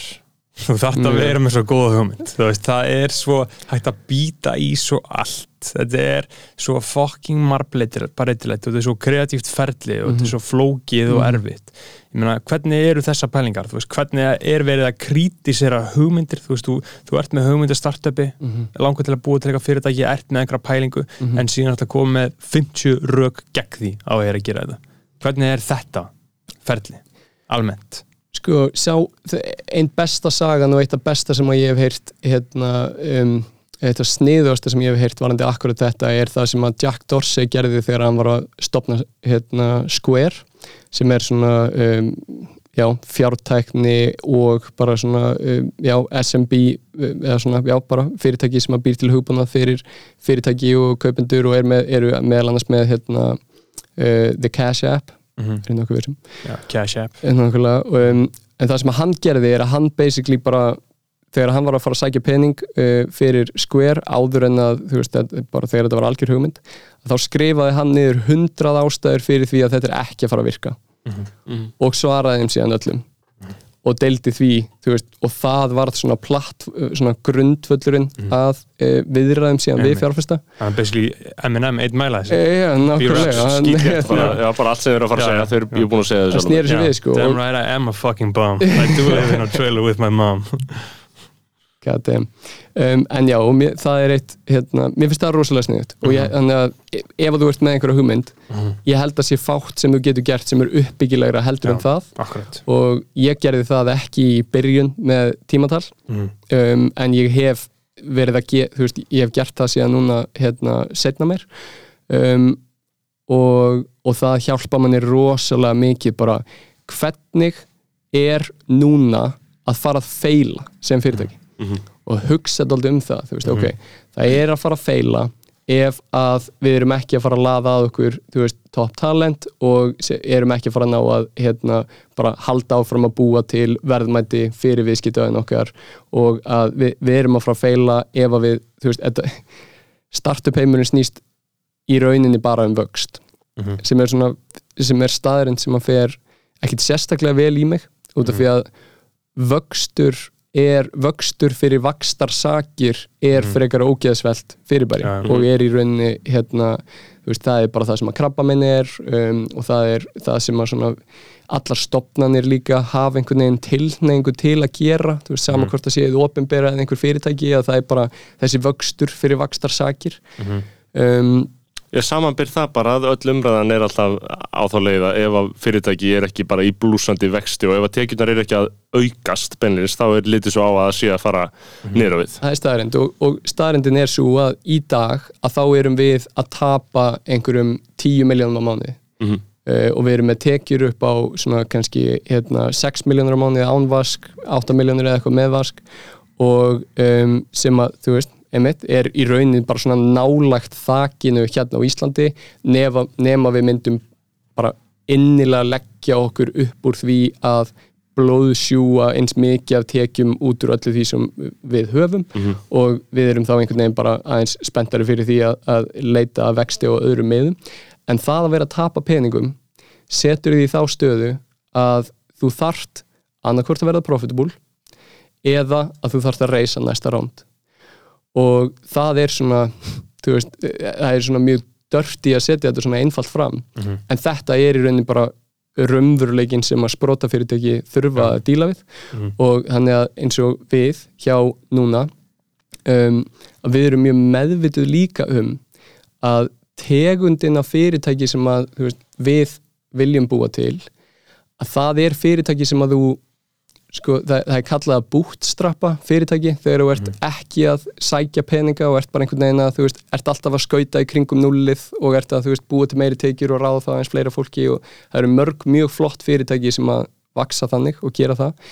En þú býrð ekki til Facebook eða Google eða eitthvað þannig hérna sem sagt um, á þann hátt og nú er ég ekki að segja að við séum endilega að reyna að gera eitthvað þannig en að það eru veist, eh, svona ambitioni sem að við höfum veist, við viljum hafa jákvæð áhrif á heiminn við viljum, hérna, veist, við sjáum mjög mörg stór vandamál í heiminum og við vit, erum meðvituð um að eða ég er allavega meðvitaður um að svona, þetta er það farartæki sem að ég hef núna til þess að þú veist, eh, annarkvort hafa áhrif eða koma mér á þann stað að ég geti haft hérna, meiri jákvæð áhrif um, og, og þannig að svona, þetta er allavega veist, ég get ekki sagt hvort að við séum 100% að fara að reysa annar ránd eða reyna að verða profitable en, en þetta er allavega spurningin sem að stendur fram fyrir okkur. Já, og, og, og, og ef maður lítur til mér líka á fyrirtæki sem eru reynda til mér að markaði bara uh, flugfélagi play, mm tapa peningum. -hmm.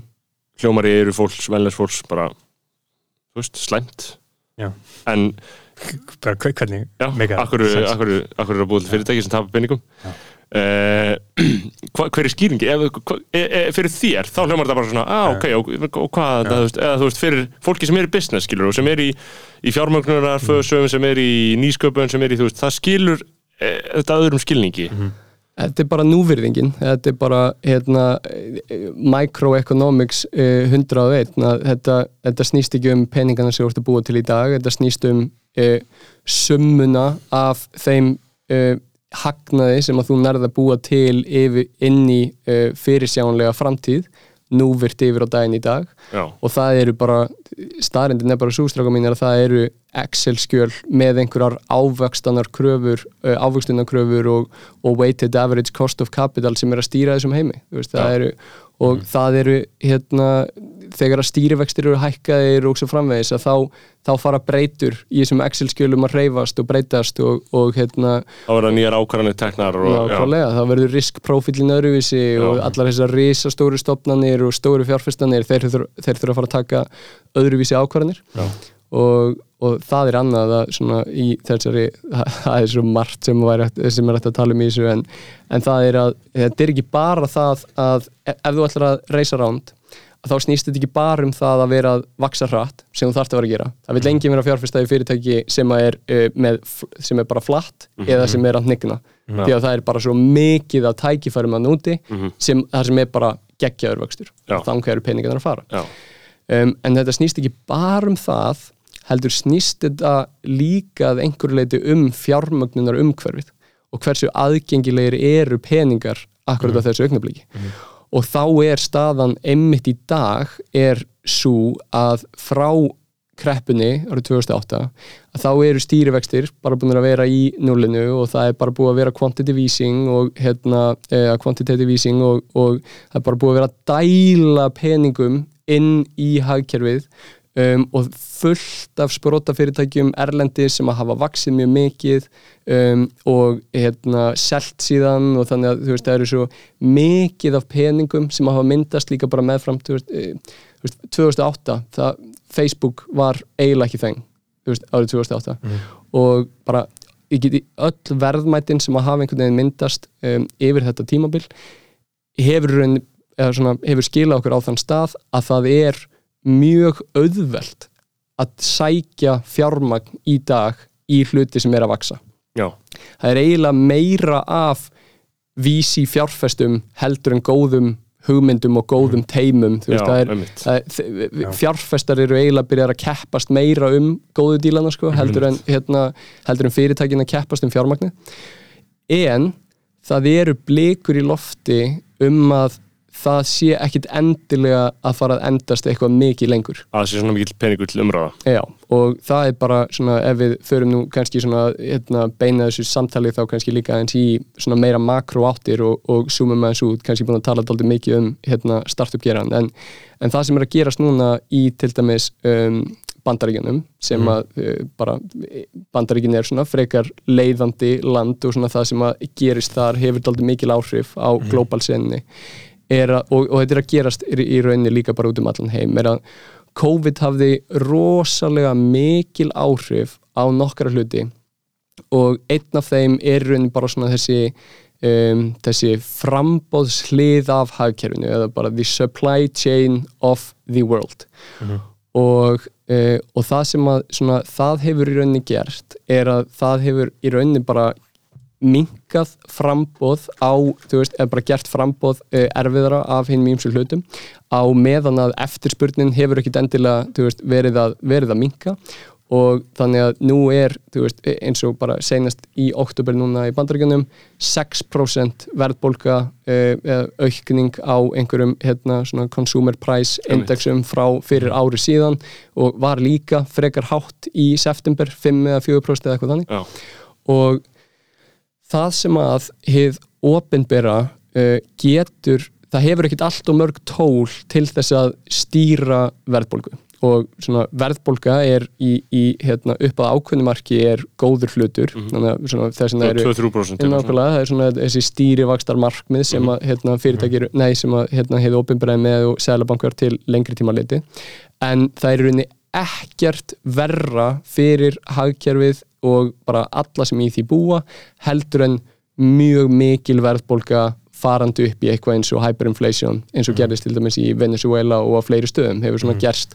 50-60 sinnum í gegnum mankinsöguna upp á því, þú veist, gerist líka í hérna ræmar Þískalandi sem var einn af ástæðum fyrir því að Hitler gætt svona, þú veist, komið sér til valda og, og, og svo framvegs um, og það er út af því að þegar það er mikil verðbólga að þá myndast bara svo mikið panik í kerfinu út af því að það er bara, það, það verður ekki þess virði að spara.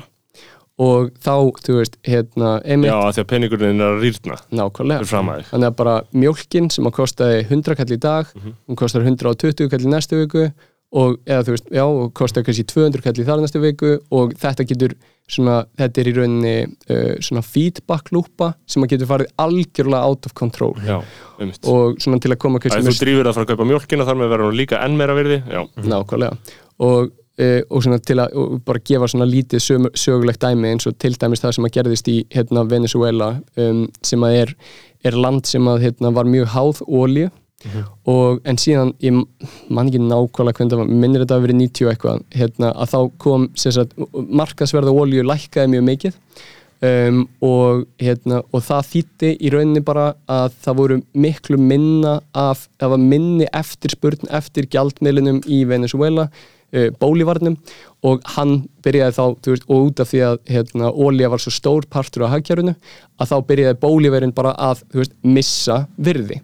Og það byrjaði síðan að einmitt, veist, hafa einhver ákveðnar svona, hérna, ákveðnar feedback lúpur, eh, til dæmis það að fólk byrjaði að vildi ekki vera með spartnaðin sinn í bólivarnum og fór þá að kaupa dollara með bólivar Já. sem var þá, þú veist, þá var ennþá Aftur, minni já. eftirspurni eftir bólivarnum og þetta var bara svona eitthvað sem að spinnaði out of control og allt í henni er bara sko, þú veist, að þú getur ekki farið út í bú bara í hvert einasta skipti sem að sölumæðurinn var að selja mjólka þá þurfti hann bara að reikna verðið aftur upp á nýtt og þú þurfti bara að fara, þú veist, þetta klassíska dæmi að fara með hjólburur á pening til að kaupa mjólk og brauð, skilja, Já. þú veist þannig að um, en ok, ég er ekki að segja að það sé eitthvað hyperinflation að fara að eiga sér stað hérna í bandaríkjunum.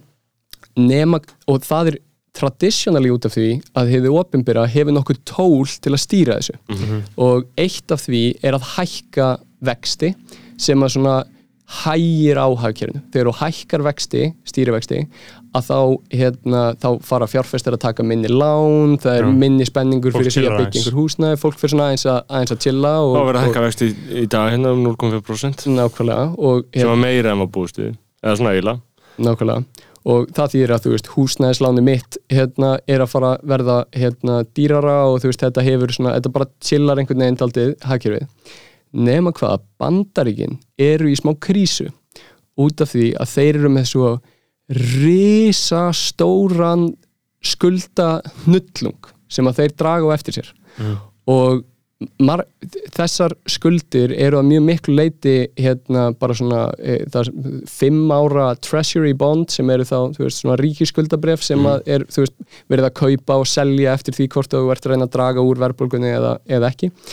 Og staðrindin er svo að ef að stýrvextir hækka í bandaríkjunum að þá þurfa bandaríkjun að fara að borga meira af hérna lánunum sín. Já, og þannig að í dag eru bandaríkina að eyða eitthvað um 5% af GTB í hérna, eða verkri landsframlegð e, í e, það að borga af skuldum.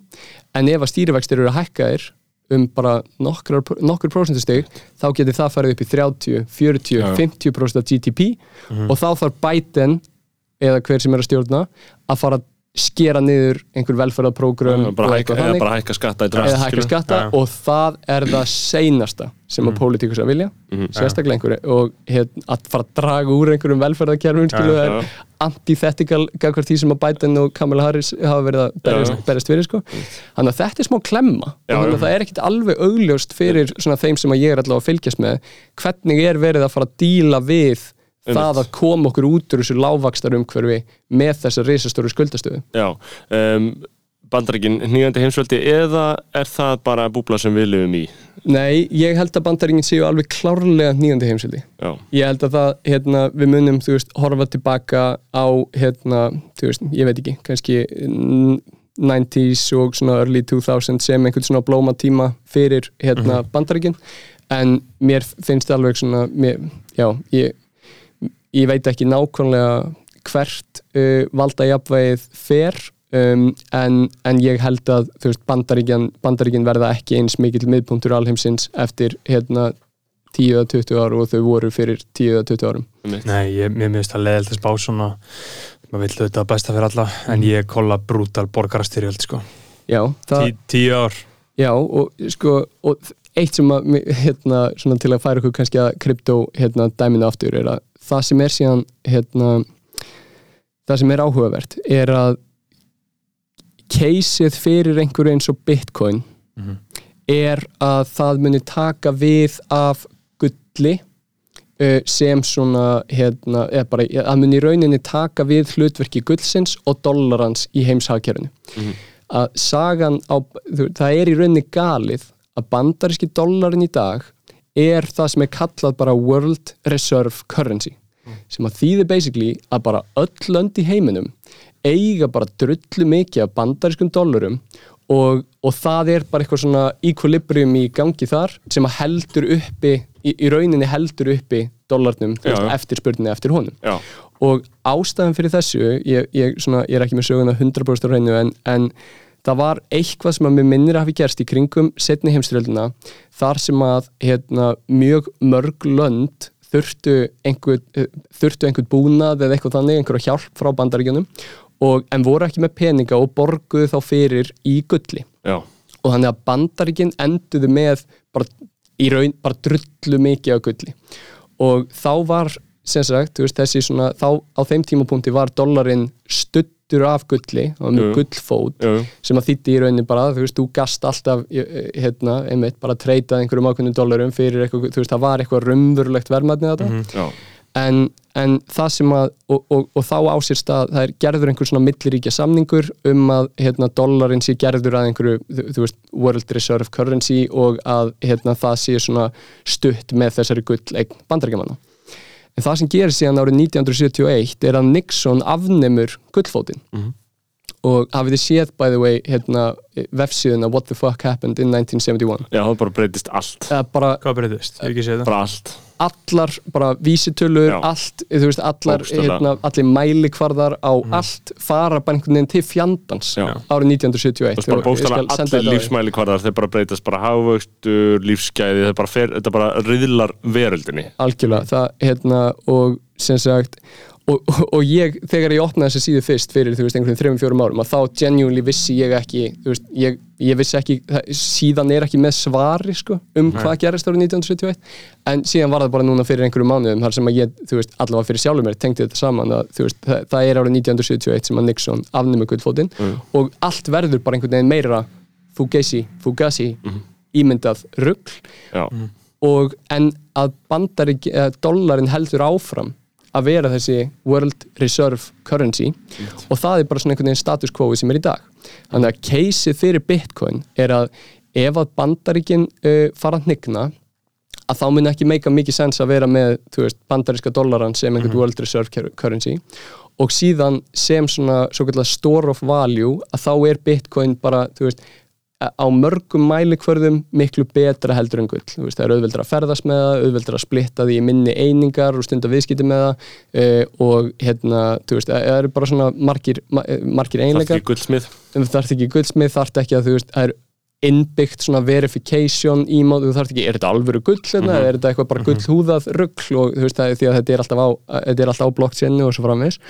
Og, og þannig að það er svona stóra hérna uh, bull caseið fyrir Bitcoin er að það taki við af bæði gulli sem svona varaforða landa og svona þetta store of value og taki síðan við af bandargedalinum sem svona World Reserve Currency sem að myndi þá hafa þær afleðingar að þú veist já, verðið á Bitcoin mun fyrst og frem, þú veist, það mun fara að hreyfast þegar að þið opinbera er byrja, þegar að lönd eru byrjuð að kaupa kaupa. þú veist, hérna, bitcoin er svo gull þá er það, veist, þá fyrst fyrir þetta að ná uh, einhverju stability í einhverju mjög hárri tölu, en þetta er ekki fjárfæstingar að gefa út af því að það er mjög margt veist, það gæti eitthvað allt annað, annað gerst, en Já. þetta, ég er bara að lýsa svona bull case eða svona jákvæða uh, svona möguleikanum fyrir eitthvað eins og bitcoin og þá ef við ef við hugsaum um þennan svona,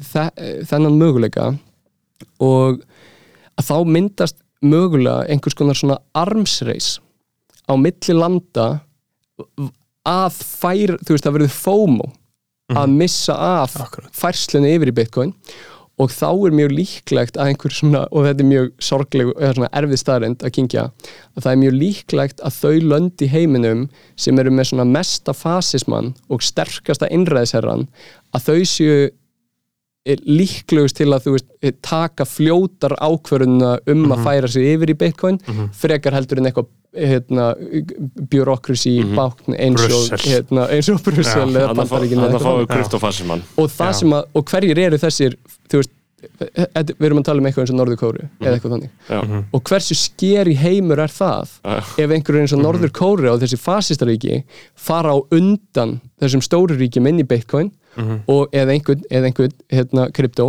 svona, og, og taka allt upp, uppsvingið á meðan að hinn löndin er að kaupa á veist, miklu hérna, verri kjörum. Já. og við endum allt í hennu bara með þá stöðu að Norður Kórea sé bara ríkasta landið í heiminum. Já Já. Það væri gott, ég held að sko svarið við þessu sé að við eigum að vera meiri fasistar Þú veist, þá erum við líklegri til þess að koma við úr á, á Ísland Já, við höfum alltaf talað um ég, mikla erum- reyfasemdur um frjálstundar veist, við erum smá hotlir Xi Jinping, hö- höfum verið það Já. svona á síkastu, Hva, sko. Hvað finnst ykkur um svona þessar hérna, nýjustu frétti með hann að hann sé bara orðin supreme ruler uh, Já, for, for a lifetime? þeir voru að breyta eitthvað stjórnarskráni og eitthvað, hann var eitthvað Já, ok, að- hann, hann, hann, er ekki lögum. að fara neitt bara. Hann, Nei, er, hann er bara hann var bara að pulla off eitthvað bara rosalegasta svona pólitíska manúver sko. allra tíma og er bara orðin eins og hérna, hérna, einhverjir for, forverar hans hérna, Má og Já, já. einhverju þannig bara supreme ruler Já. for life Einmitt. og það er Fjórar. bara ekki að fara að vera neinn kostning eða neitt þannig e, hérna, og e, hann er bara maðurinn Já. Já, Hann rúlar einum miljardi Já. mann og einu miljardi af, þú veist, einu miljardi sem að er með, þú veist raunverulegt potential þú veist, það, e, miljardi þar sem að, veist, mjög svo margir eiga ennþá eftir að fara yfir í millistjættina eða færa sig frá því að vera einhverju lower millistjætt yfir í, hérna, upper millistjætt og þau eru takið fyrir Afríku Það ekki séð það? Já, þú veist, og jú, maður hefur lesið um það. Já, nákvæmlega og hérna og, sko- og, og einmitt og það er svona það er verið að tala um að svona stærsta hvað maður að segja svona uh, sprengjupúður hérna tunnan uh, sem gæti verið eitthvað eins og Tævan Já, já, sem að kynverjar hafa náttúrulega hérna, mjög mikið áhuga á og, og, en Tævan auðvitað svona hérna að einhver sjálfstætt líðræðisríki að vestrætni fyrirmynd jú, jú. og just happens to be er framleiðandi af 70% af öllum microchips og eh, hérna eh, í heiminum sem er bara svona ólía nútímans. Og, og þannig að það sem að og, og síðan eru Kína auðvitað að horfa á bandaríkin sem einhvers konar hnignandi stjórnveldi og Já, já. að veist, e, e, það væri mjög áhugavert að sjá hvað myndi gerast ef að Kína myndu taka skrefið inn í Tævan Jú, jú, og og hérna hvort að bandaríkin myndu Því veist, Tævan er í skjóli Já. og, og bara hvað, hvað, hvað í fokkanum myndi gerast. En þetta er líka þú veist, og, og þessi þróun og, og ánægis að maður einhvern veginn muni nokkurn tímann átta sig á alheimspolítíkinni eða vera með stóru svörin. Þá til dæmis hef ég fylst, fylst aðeins bara til dæmis með því sem er sagt í, á þessari COP26 ráðstöfnu um loftslagsmálin og þar er svona, jújú, jú, við ætlum að gera eitthvað, já, já um, en hérna, hérna Kína eru ennþá með fucked up shit í gangi. Og við getum ekkert gert í því, þau mæti ekki á fundin Nei, uh, en, en, engin fulltrú eða? Nei, þú veist, Xi Jinping mætti ekki Nei. uh, kom bara eitthvað fjárfundi eitthvað skilur, já. bara, ég kennst ekki Já. um, sem er alltaf þeir gríðarlega mikla þýðing og sömulegis eru þeir, þú veist, útblásturinn á kóli, ég þekki ekki staðrindindar en, en þú veist, það bara, það er allir að hætti þessu nema bara Kína er að segja bara, nei, við ætlum ekki að hætti þessu þannig að verða mikla ríkari og fokkum upp heiminum þannig að fokkið Já. ykkur þú veist uh, og Indland eitthvað svona smá svipað að gerast þar og þetta er bara svona stórveldi sem eru bara, þú veist, ef að þau munu halda áfram að blása út svona og að gera þessar hluti sem eru svo rosalega upplugir fyrir hagkerfið þeirra bara óneitanlega að vera með kólaversmiði er bara fáranlega hagkvæmt. En það var þannig sem við komumst á staðin sem við erum í Já, dag. þú veist, og það var bara þannig sem Bretland var að því sem það var, það var bara þannig sem Bandaríkinu eru að því, veist, það var bara með kólum uh, og þau eru bara að gera það áfram og við erum eitthvað, nei, við ætlum hérna að vera með Tesla og fucking Cube rafhjól uh, að vera eitthvað að hjóla í vinnuna í snjó. uh, þú veist, hvað hva gerist, skilur munum við bara, munum þetta ganga okkur úr greipum?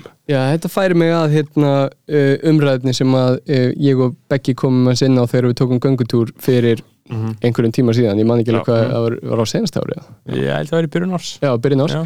hérna, að það er í raunin bara þessi fundamental staðreind sem að við stöndum frammi fyrir á þessari stundu sem er að bara mannkinnið er á krosskötum að raunveruleg utopía hefur aldrei verið nær og er gjörsamlega dúubúl með þeim auðlendum og þeirri tækni og þeirri þekkingu og bara því abundance sem við raunverulega höfum sem samfélag.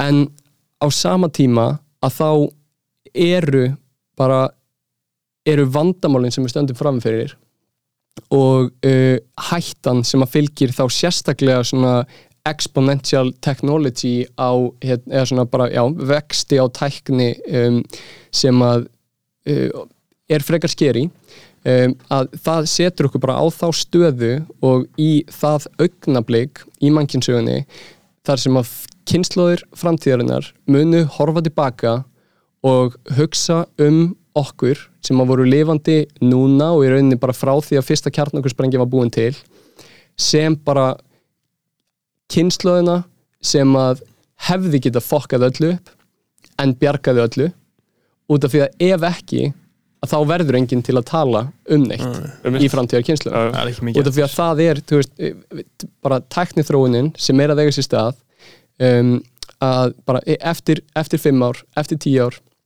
að þá mun einhver hérna, ungur uh, van uh, bara einhverjum hérna, psykopath sem að líður illa í skólanum í bandaríkanum hann mun ekki hafa hann mun ekki bara geta tekið skambissu í hérna, skúfunni hjá pappa sínum heldur mun hann uh, með hjálp einhvers kóða sem hann fann á netinu geta prentað út uh, bara svarta dauða 2.0 Einmitt. Og bara setta í glasi hjá hérna, erki óvinnur sínum the jockey, Já. eða jock og bara og, og, bara, og, og það er tæknin sem að mun þú veist, það er inevitable að svo tæknin mun vera, vera til staðar og mun vera til byggt á bara svona þeirri tæknithróun sem er í gangi. Sérstaklega, þú veist, út af því og þetta er það sem er svo erfitt fyrir okkur mennin að átt okkur á er að við, þú veist, í hverstagsleikanum er allt svo línulegt en þe- öll tæknithróun verður exponential og veist, það sem er svo ómögulegt einhvern veginn í dag það, það, er það verður svo fljótt inevitable og bara komið við, og, og, og svona ef maður ef maður nálgast þetta úrlausnarefni sem við stöndum frammi fyrir og það liggur fyrir að við stöndum frammi fyrir því að, að jú, jú, þú veist við getum orðað þannig að við sem á krossgötum um, ég meina, hver er hinn rétta pólitíska sína á þetta? Hvað, hvað þurfum við að gera? Skilur, hvernig meina- getum við verið góð? Af því að, af því að er manneskjan ekki af því að þegar við tölum um þessa möguleika á að við getum verið í útópíu og að við getum lifa besta lífi atna, sem nokkuð mann hefur verið lifað á jörðinni. Sem er bara lífið sem að við erum að lifa til Já. dæmis akkurat núna. Veist, það, við lifum vissulega mjög góðu lífi. En svona, veist, þannig að maður fengi einhvers konar makró heildar e, útbreiðslu á slíkum lífsgæðum. Veist, ef við gætum komist þangað e, og það væri óskand að við gætum komast þangað en mér líður sem atna, bölsýnismann í eðli mínu eh, eins og manneskjan sé of, e, með of fundamental galla til þess að þetta geti gerst skilur. Og það gæti vel verið um, og það bara gæti mjög vel verið um, en svona já e- mér þætti kannski fyrst og fremst áður en að ég hérna, gef ykkur kannski svona mína sína á þetta hvað, hvað, finnst, hvað finnst ykkur? Hvað haldið þið að hérna, hvað líður ykkur eins og að þurfa að gerast til þess að við þurfum að meika bara svona alvöru progress í áttina að uh, utopíunni og byrjum að loka vel á all, öll þessi risastóru vandamál og þessar svona, þessi stóru downsides? Sko, um, þegar við hugsum um bara lífið í heild þá uh, held ég að veist, við getum ég, bara, ég reynlega veit ekki, ég veit ekki hvort við ættum að reyna að halda áfram að sitra út í jöfnuði með aðeins betri Eh, kjarasamningum sko. uh, skilur eða hvort við ættum að gera byltingu Já, sko, Beggi? ég, ég, ég er bjartsýnismæður sko. uh, og ég veit að það er ekki allt vil bara fá sko. þrjár miljónum múslimenga það er eins og vil Já, ég vil fimm, ég vil fimm miljónir flottumanna uh, til Íslands, meira, byrjum á fimm, fáum síðan 20 og síðan 10 síðan 30 sko. uh, en ég held að við þurfum bara eigna upptöku ég held að, ég held að raunverulega vandamál liggi í ójöfni og ég held, þú veist, við erum hérna þrý gaurar að, tala í podcasti um þessar hugmyndir pælið í hvernig menn Logan Royar heimsins eru að tala. Þeir eru að pæli skilur og hjá þeim er það, veist, heimurinn snýst ekki um neitt nema völd og rík halda í völd. Þetta, þetta er bara svolítið þannig ef ég get ekki fengið ást þá vil ég völd skilur. Og þess vegna þarftu meiraði og meiraði og meiraði og meiraði og þeir sleppa ekki. Þú veist, Jeffrey Epstein máli var bara mjög uh, gott dæmi um þetta. Hvernig bara þetta fólk rottar sér saman skilur. það er 1% þess sem bókstaflega stjórnar öllu skilur. og þau þeir eru að gera allt þetta shit. Og með því að einhvers konar blóðuri byltingu gagvart þeim, ég veit ekki alveg hvernig það getur gerst. En er heila þóttur þeirra á okkur mann restinni, ef við ímyndum okkur að þau séu evil 1% eða ef við, ef við Já. setjum sem svo ég, ég er ekki að segja þessi ímyndun ég, ég, held að sé alveg fótu fyrir því. Já. Er heila þótturinn þeirra ekki of meina, þeir- kröftugur til þess að við munum nokkuð tíma geta gert þessi ég, ég meina sko, þeir eru að þjálfa okkur uh, núna í því að vera með grímur út í bú og að láta sprauta í okkur Já, já. bóluefnum og býða í röðum og vera sagt hvernig á að vera að gera og hlusta á vísindamenn sko. ég er svolítið anti-science ég, ég, ég er meira spiritual en scientific þú tekur línu morgunblassis í þessu Já, þú veist, ég, skilur, science er bara einhvern gauðir sem koma saman og ákveða eitthvað, það, er ekkert mikið flóknar það, sko. Uh, og sérstaklega hvernig það er í bandaríkjum, ég trúi því að bandaríkjum séu með töluvert illara og ógæslara kerfi en hér á Íslandi, skilur, þú veist, ég trúi því að þar sé raunveruleg rótgróin, ílska, mannhattur og valdastruktúr sem að bara er hryllingur, sko. og þú myndir og, og þú, einmitt, að egna upptaka að það þarf Mhm. að vera í rauninni eh, þú veist, hvað hva, hva þýðir það? Er það bara svona klassísk, kommunísk bylting þar sem að það er bara hérna uh, heikafallinni tekin að uh, Sko- Jeff Bezos. ég, ég veit ekki alveg hvort að það myndi virka sko. Við munum þurfa teknilusnir á þessu. Við, við þurfum chemical warfare hver, hver á tæknilegstundar, bara gaurarnir sjálfur Já, ég, ég, ég, ég er að tala um einhverja svona feita nörda hakkara, einhverjum kjöllurum í Svíþjóð skilur, að þeir sé að fara að gera þetta shit, ég, held að Becky sé onto, onto something hérna og ég skal þá svona koma með mitt input inn í þetta sem er samt sem aður hérna ég flakka því eins og, eins og alltaf að er ekki fyllilega mitt heldur bara eitthvað sem að ég er að lesa um á netinu eins og allar okkar, allar okkar skoðanir. Jú, jú. Um, Já, en, en, þetta er bara eitthvað sem ég bulla sjálfur.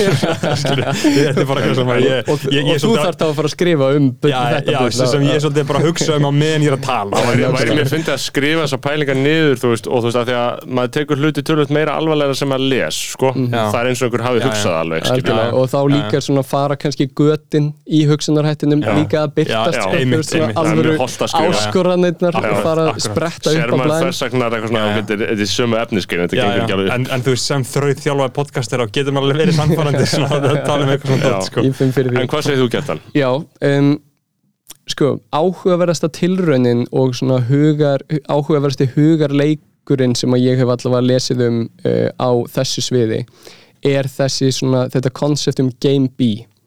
Um, sem að er í rauninni bara uh, Game B er í rauninni bara svona hugmynd sem mótsvar við því sem er þá kallað Game A sem er þá í rauninni bara leikurinn sem að hefur verið spilaður alveg frá því að við mennirnir uh, fórum að búa til samfélög umfram the Dunbar number sem er eitthvað í kring þessi tala 150 mann sem að svona einhver þjættur einhvers getur, getur já. hérna verið og, og þannig að Game A inniheldur bara alla þessa, uh, þessa ógæðslegu uh, pólitík og leikjafræði og stjættaskiptingu og hérna kapitalismann og kommunismann og bara allt þetta sem að hefur einhvern veginn komið okkur hingað og Game B stillir sér upp sem bara svona uh, hópur af fólki að hugsa saman um hvernig væri hægt að byggja upp algjörlega nýjan leik byggðan á bara allt öðrum prinsipum. Og það er til dæmis þaðan sem að ég fæði þetta Omni-Win koncept þar sem að Omni-Win er svona eina af hérna, uh, eitt, svona eitt af uh, st stand, stólpum hérna, þessarar, uh, þessarar hugmyndar eða þessar svona sapns af hugmyndum. Og, og það sem að þeir segja sem að ég trúi mjög unnilega er að Game B þarf að byrja samhliða og til hliðar við Game A og þann leik sem er í gangi núna.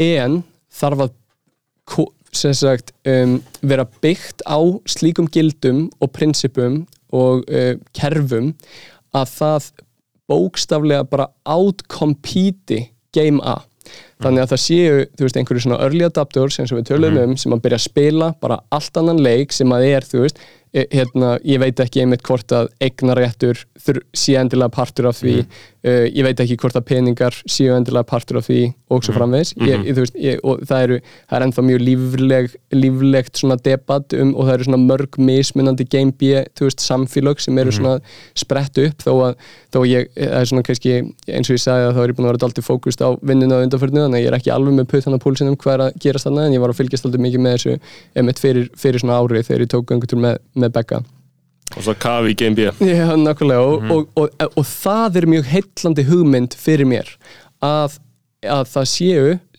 hópar af einstaklingum sem að sapna sig saman sem að sjá bulli sem er í gangi og nýta sér uh, samskipta minnstur til þess að vinna betur saman með meira trösti heldur en þú veist allir sem er að spila einhverja ömulega leikjafræði í, í geima og, hérna, og bókstaflega bara byrja að búa til hluti sem er eftirspurn eftir í geima. Bara betri hugbúnað, betri mat betri mentastofnanir þú veist bara e- einhver verðmæti byggt bara á radikali öðrum grunni sem að þeir selja geima hægt og rólega og þannig svona sjúa til sín meira og meira af bara verðmætunum úr geima sem er síðan notað til þess að búa til einhverja svona utopíu sem að hægt og rólega hérna, og maður, ég þarf alltaf að segja utopíu með gæsalöpum út af því að utopía breytist alltaf upp í andstæðu sína dystopíu þannig að þú veist við erum að tala um einhvern, einhvern svona middle ground, eitthvað sem er samt betra heldur en, heldur en við erum í dag.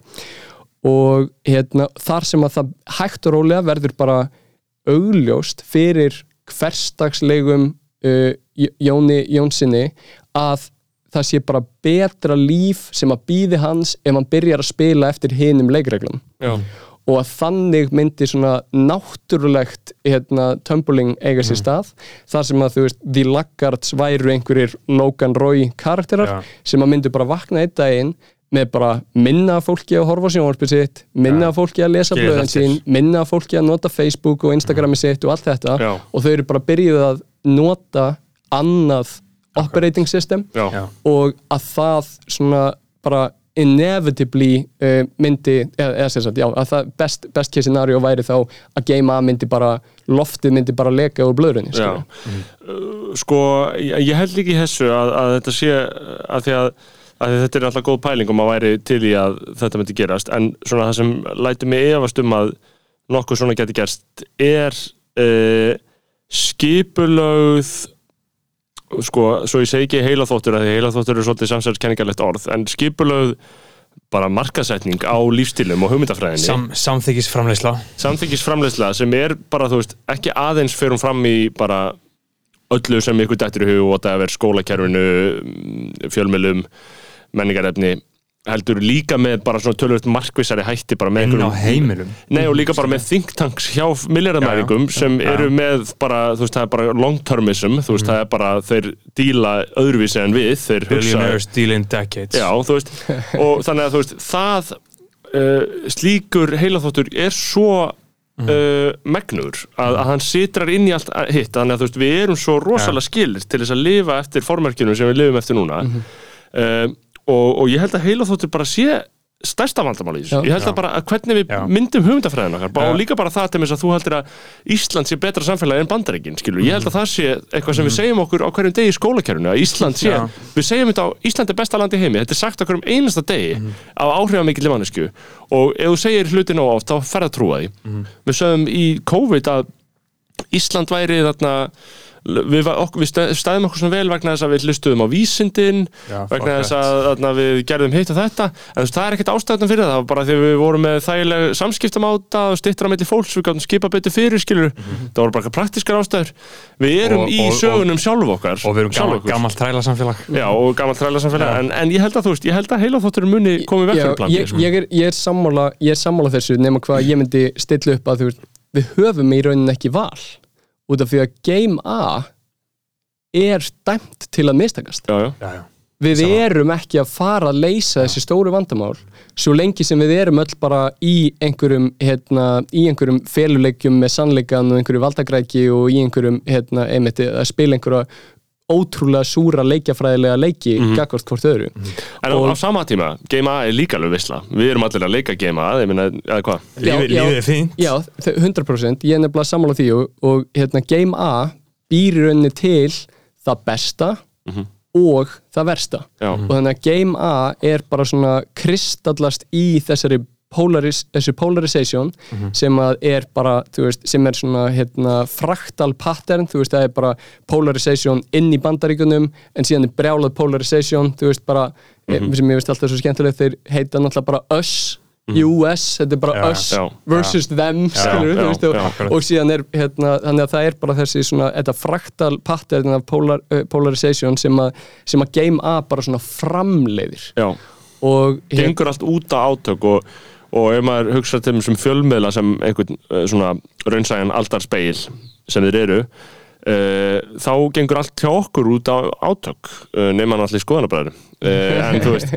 í verjulegum fjölmiðlum þá snýst allt um átök, af því það er saga sem við segjum og, og við hugsum heiminn Nei, í átökum. neikvæðni, skilja og og ég held að einhver leiti að það sé líka hinn þarna, daburlegi sannleikur um bara mannlífið að átök séu rauði þráðurinn að það sem Trump var að gera er að ég vinn og þú tapar og þannig virkar heimurinn. Annarkvort vinn ég og þú tapar eða öfut uh, og það eru only winners og losers. Þú veist, þetta er uh, hugmyndafræði sem mér fáir sko uh, skreita sig eða mér fáir sko segjast lifa eftir. En þetta, er- þetta er samt kannski hjartslátturinn í samfélaginu sko. Þetta er líka það sem að ég er stærsta vandamál lífs, lífsins. Það sem að ég er bjartsinismæður og trúaður maður og vandamálið hjá þessum sem raunverulega stjórna heiminum sem að eiga peningin tökum Ísland sem dæmi þú veist, uh, við sögum á hann Íslandi skárnum bandaríkin skilur, segjum sem svo að við myndum taka bara toppana í sjálfstæðisflokknum bara sem að raunverulega stjórna landinu. Búnir að stjórna landinu í 100 ár. Pappar þeirra að gera það, afar þeirra að gera það frændur þeirra að gera það, vinið þeirra að gera það bara gaurar sem að raunverulega stjórna landinu við búum á litlu landi, eins og þú talaðir um með samskiptin, það er allt hægt og Skil- startup heiminn Já, já, þú veist þetta, þetta, þetta, er allt svolítið easy. Við Ísland getum verið einstæmi í öllu. Við erum til dæmis einstæmi í brútali rassískri viðbjósleiri innflytjandastefnu Það búa ekki útlendingar hérna. Það búa útlendingar allstaðar annar staðar í heiminum en á Íslandi að því að við erum með viðbjóslega nasista stofnun sem að sé til þess að búa útlendingar. Við erum einstæmi upp á það. Við gætum líka verið einstæmi upp á það taka alla toppa í sjálfstæðisflokknum í framsökuflokknum, örgulega einhverju miðflokknum núna líka og örgulega einhverju fucking vinstri græna, fucking leðurblögu eðlur sem eru þar líka skilur, tökum allt þetta fólk gefið Jan Djema sitja henn á reið skilur, láta það finna fyrir bara almættinu skilur, sjá bara, heyrðu það er allt hægt, við búum inn á Íslandi. Við getum núna tekið allt fólkið sem að býr í raunverulegri fátækt. Þessi hérna gaur, hann á 50 miljardar og þessi þarna gaur á 50.000 kall.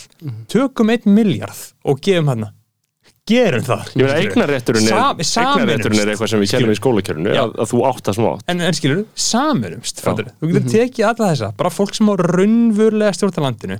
En ástæðan akkur þau vil ekki gera það það er a spiritual problem skilurðu. Já, ég meina, Það akkur er engin gefur þú einhver skilurðu. miljón, skilur akkur, Þú ert ekki að gefa henni Að- einhver miljón að- að því að ég á það ekki. Jú, þú átt það algjörlega Þú átt 100% miljón til að gefa. Já, já, ég, ég álega miljón En ég er að segja, þú veist, við endum alltaf þarna ég veit að þetta leads me to my next point skilur, Já. með það, völd og hvernig þú heldur þeim. Segjum sem svo, þeir eiga 50 miljardana og ég get skilið það af hverju þeir vilja ekki gefa frá sér 50 miljardana segjum sem svo að þú eigin einhverju útgerð og við viljum takk gera eigna upptöku á henni. Það væri bara eins. Væri og það, það væri eins og sælir við ætlum hérna að taka að öll völdi Heldur að þú myndir taka því að létt Nei, mæntan ekki. Og það er að segja, það er bara þetta á þessum litla skala að þú veist, þú vilt ekki vera, það vilt, þú vilt ekki missa völdi, Þa, Nákvæmlega. það er að þú rík heldur í þetta. Og þetta er alltaf á litlu skala. Alveg eins og þegar ég borgaði endur skoðandanum mínum 50 skall og hún grætti fyrir mig 450 skall. Út, út af því að ég borgaði henni 50 skall fyrir það að fiffa allt shitið mitt sem verðtaga greiðslunar ég grætti 450 skallaði.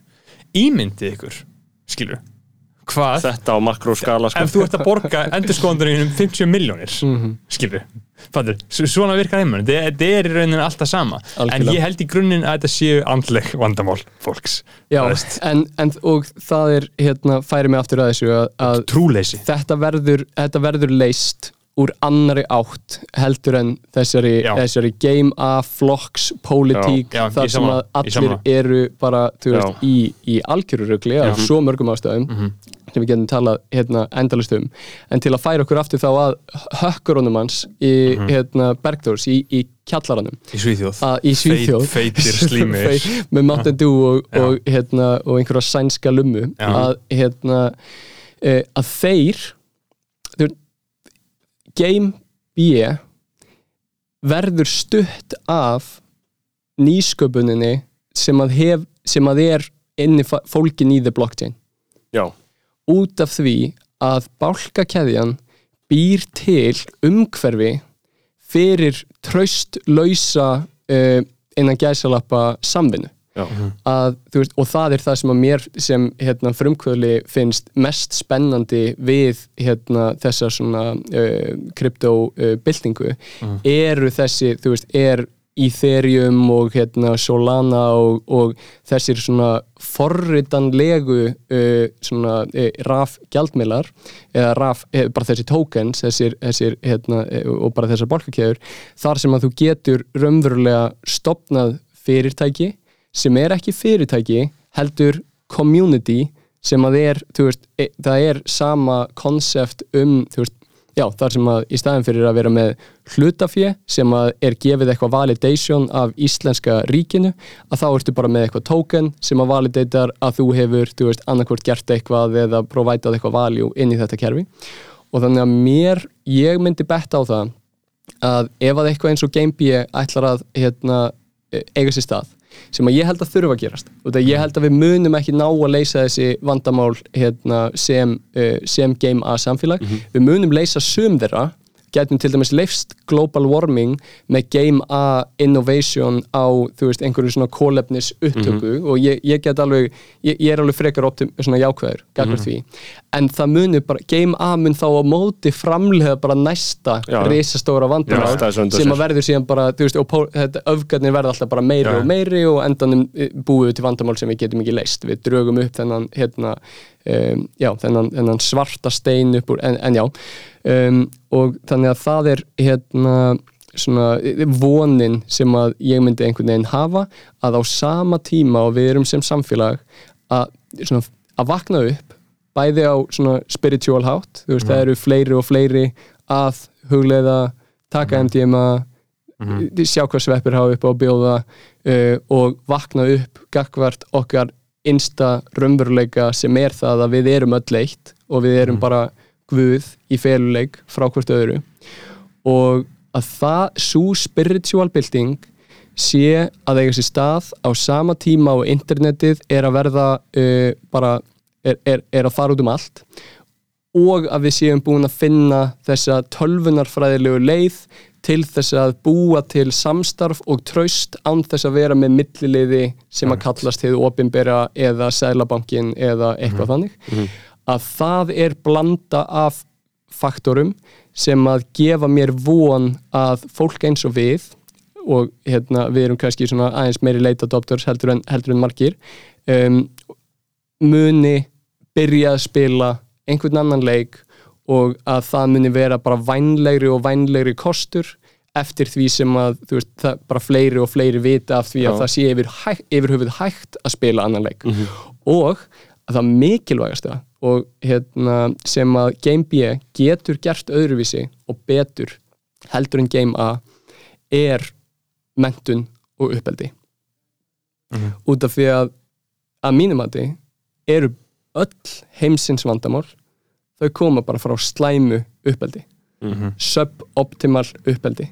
Það er bara fólk sem er alveg upp af narkassistum eða psychopaths eða bara fólki sem er með bara lítið í sér og þetta bara á, heldur bara áfram kynnslóð eftir kynnslóð brotið fólk að ala upp næstu kynnslóð af brotnum fólki sem að síðan endar á því að verða vald, þú veist, færi ekki þessa ást verður já. valdabrjálað og finnur bara aðrar game A leiðir til þess að fylla upp í gatið í, í hjartanu sinni Stóra tómið. Stóra tómið. Og, e, og þannig að ef að Game A nei Game B getur þú veist, gert þetta sem ég var að tala um áðan að verða sustainable með því að bæði bara li, þú veist, lifa á sustainable hátt en líka halda sér uppi með því að selja Game A einhverja þjónustu og vörur.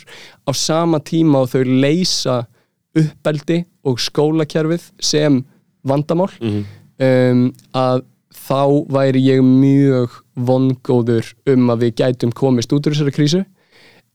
En síðan er þetta bara spurning um tíma. Já, mun að gerast nægilega hratt þetta er Við uh, höfum ég, 30 ár. ég fíla Game B, þetta virkar út hugsunna mína að hlutinir, að maður- að maður geti sko að maður geti reynt að starfa aðeins þar líka stundum, skilur Alveg. og ve- verið að- að- að að gera ykkur Já, koma á ská. Já, koma Já, ská inn í þetta.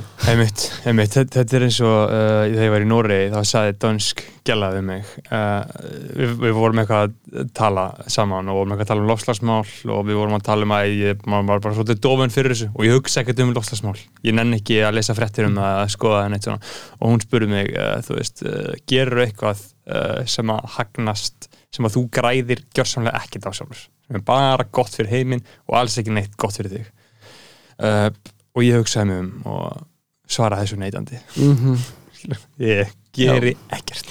Og, það, og það færir okkur þá aftur að þessum punkti sem að Snorri kom með líka í byrjun sem eru þessir bara þessir e, eiginleikar mannsins sem að e, fylgja okkur bara e, frá því að við vorum einhverjir einförumungar sko, þú veist að það er bara e, græðkin og baráttan um survival, þú veist, munum við ná að yfirstíga þetta um, og það, við eigum bara eftir að svara þeirri spurningu en, en við þurfum að svara henni til þess að verði hérna, fleiri kynnslóður til þess að dæma okkur í, í framtíðinni um, að, að þú talaður upp, um uppeldið og, og hvað við erum uh, öll uh, göllið og misgöllið uh, og svo vinnur fólk í sér af því að ég, ég man bara eftir þegar þú í viðtölum um uh, þegar þú lendir í svona heilsu kvíða lótu Mhm. uh, það, það er áhugaverð dæmi. Ég þekki aðeins sjálfur, Hva, hvað gerðist við þig? Já, bara í mjög stuttu máli að þá hérna, var ég bara í tölfunni uh, að vinna í einhverju kynningu og ég fann bara eitthvað poppa inn í haustum á mér og, um, og ég held að ég, ég bara samstundis var sannfærður um að ég væri að fá heilablóðfall að einhverju leiti vegna þess að ég lifi í skugganum af því að mamma fekk heilablóðfall þegar hún var á mínum aldri og að afi hennar fekk síðan heilablóðfall þegar hann var hérna 45 eða 50 eða, eða eitthvað þannig. Og þannig að það er svona einhver saga sem að hefur ekkoað í, í, í mínu lífi. Og þá þegar að ég fann fyrir einhverju poppa að þá var ég bara samfærið mig frá heilablóðfall, ég fekk dofa út um allan líkamann og hérna og bara sér sagt, uh, já, fór að googla heilablóðfalls einkenni og uh, dofin auðvitað fekk mig til að halda að ég væri auðvitað að fá heilablóðfall Já, já. og, og sem maður finnur alltaf einkenni strax.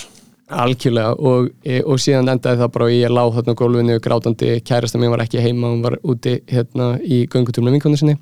En, en, en svona the moral of the story er síðan að uh, ég átta mig á því þarna liggjandi á gólfinu í íbúðinu minni að ég var að gráta ég var byrjar að gráta gleðitárum vegna þess að ég var með leiðin sem ég var að horfa í augun á döðanum og ég bara svona, ég innilega gætt sagt sjálfu mér þá bara að ég væri sáttur með lífi sem ég hefði lifað.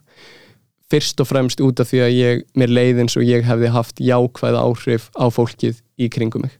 Vegna þess að hérna, sumir af mínum bestu vinum hafa, hafa sagt það hérna, við mig og að það var þá svona svo mikil vakning að þegar að þú ert á þínu seinasta augnabliki að það eina sem þú hugsar um er bara að þú vilt hafa kærusnaðið með þér og hvaða áhrif hafði ég á fólki í kringum mig? Hvaða, hvað er ég að skilja eftir mig? Ekki í hugbúnaði og, og hlutafið eða einhverjum plaks á einhverjum, hérna, einhverju bókasafni eða einhverju heldur bara veist, já, var ég góður við Mm. fólki í kringum mig. Og það Svolítið svakalegt að halda maður að segja degja Já, það var hérna, það var svona frekar, frekar hérna, surrealist augnablik og, og það fylgdi mig, en síðan emitt, til þess að svona nú er fólk að spyrja sig, ok, býtu, hvað í fólkinu gerðist samt, að þá var þetta hérna, ég talaði við lækna eftir þetta þetta var, þetta, þetta var ekki heila blófall það var alltaf lægi með mig, að öllum líkindum var þetta bara einhver svona ennishólu stípla að losna og það hefði valdið einhverju svona poppi og, hérna, og að það hafi triggerað ofsakvíða kast hjá mér vegna þess að þessi saga um heila blóðfallið var bökuð inn í undir meðunda mína. Og, og þessu augnabliki fylgdi síðan svona ákveðin, eh, ákveðin tímabil af uh, heilsukvíða þar sem að ég held aftur uh, í tvö eða þrjú skipti að ég væri já nei nú er þetta heila blóðfallmaður þú veist nú þegar ég var svo hypersensitive um hlutina sem voru að gerast inni í líkamannu mínum sem er ekki þægilegur staður að vera og ég stend með öllum þarna úti sem er að díla við heilsukvíða og, og, og þessar tilfinningar. Að finna eitthvað smá verk einhver staðar og það lítur að vera bara æxli. Það er bara, já, nákvæmlega, það er bara eitthvað bull. Svo googla maður æxli og maður er eitthvað svona hm, ég kannast við hérna þreytu Já. og hausverk. Þannig að ég er með þetta, á, ok. Þetta er nefnilega, þetta er ekki góður þetta er ekki góður staður að vera á. Um, en, en ég veit núna að það er hægt að komast yfir þetta um, það er hægt að fara í innri vekkferð og endur forrita heilan á sér til þess að uh, bara horfa eða, já, að breyta sjónarhóttinu og sambandinu við dauðan og hræðslu. Uh, og það er ákveðin spiritual aspekt fólkin í því líka. Og þannig að ég held að þú, veist, þú þurfir sem manneski með heilsukvíði þarftu að rækta, heilsukvíða þarftu að rækta þína andlegu hlið líka og fara að átta þig á þessu sem að ég var að hinta að þarna áðan um svona hið sanna uh, eðli raunveruleikans sem að vísindin eins og ég, ég er svona hérna bæði sammála og ósammála þér að hérna, ég horfi á vísindin sem svona ákveð svona intellectual rung alltaf að reyna að hérna, brjóta einhverja hluti niður í aðeins minni hluti til þess að hérna, setja einhvern, eh, einhvern eitthvað orð, búið til eitthvað nýtt orð eitthvað nýtt konsept sem að hérna, ég, ég hvet alla vísindamenn til þess að taka upp uh, Dao De Ching og lesa fyrstu setninguna þar að uh, the Dao that can't be spoken is not the et- eternal Dao um, að öll þessi öll þessi konsept, öll þessi orð öll þessi, allar þessar formúlur öll, öll þessi landakort, allt þetta dæmi þetta er gaglegt en þetta er ekki sannleikurinn. Þetta er ekki raunveruleikin raunveruleikurinn, raunveruleikin er eitthvað dýbra hann er eitthvað sem að ég myndi segja að væri fyrir eða svona mín tilfinning og það, ég, þetta er, nú er ég komin á territóri þar sem er ekki hægt að sanna eða afsinna neitt en uh, ég held að sagt, eh, dýpsta eðli raunveruleikan sé fyrir utan tíma og rúm og að, uh, og að þar sé einhver, einhver heild einhver eining sem að þú getur ekki brotið niður í þú veist, að, hérna, einmitt að þú veist, ég segi bara skemmtið ykkur vel vísindamenn að, að halda áfram að brjóta kvarkana niður í eitthvað og síðan brjóta hérna, eh, sem sagt, strengina niður í eitthvað annað og, og, og svo framvegs og ég held að þið muni geta gert það að eilífu og hérna, átt mjög líflega ráðstefnur um það. Um, en, en raunveruleikin er eitthvað sem þú getur ekki útskýrt með uh, orðum og hvað þá svona ótrúlega takmörkuðu tungumáli eins og okkar, okkar línulega okkar línulega tungumál. Það við Já. séð Arrival bíómyndina. Já, já er það ekki, ég held að ef við ætlum að eiga einhvern séns í að þá þurfum við að komast sem allra fyrst á þann stað að geta átt samskipti bara svona Mhm. allt í einu og ég og Beggi horfum bara í augun okkur örum og hann bara finnur og sér alla mína sögu, allar hliðarnar á öllum mínum mismunandi sannleikum og hérna lýsingar okkar eru æði brotakendar sko, eins og það eru núna. Hérna við erum bara- alltaf bara að segja eitthvað svona eitthvað smá.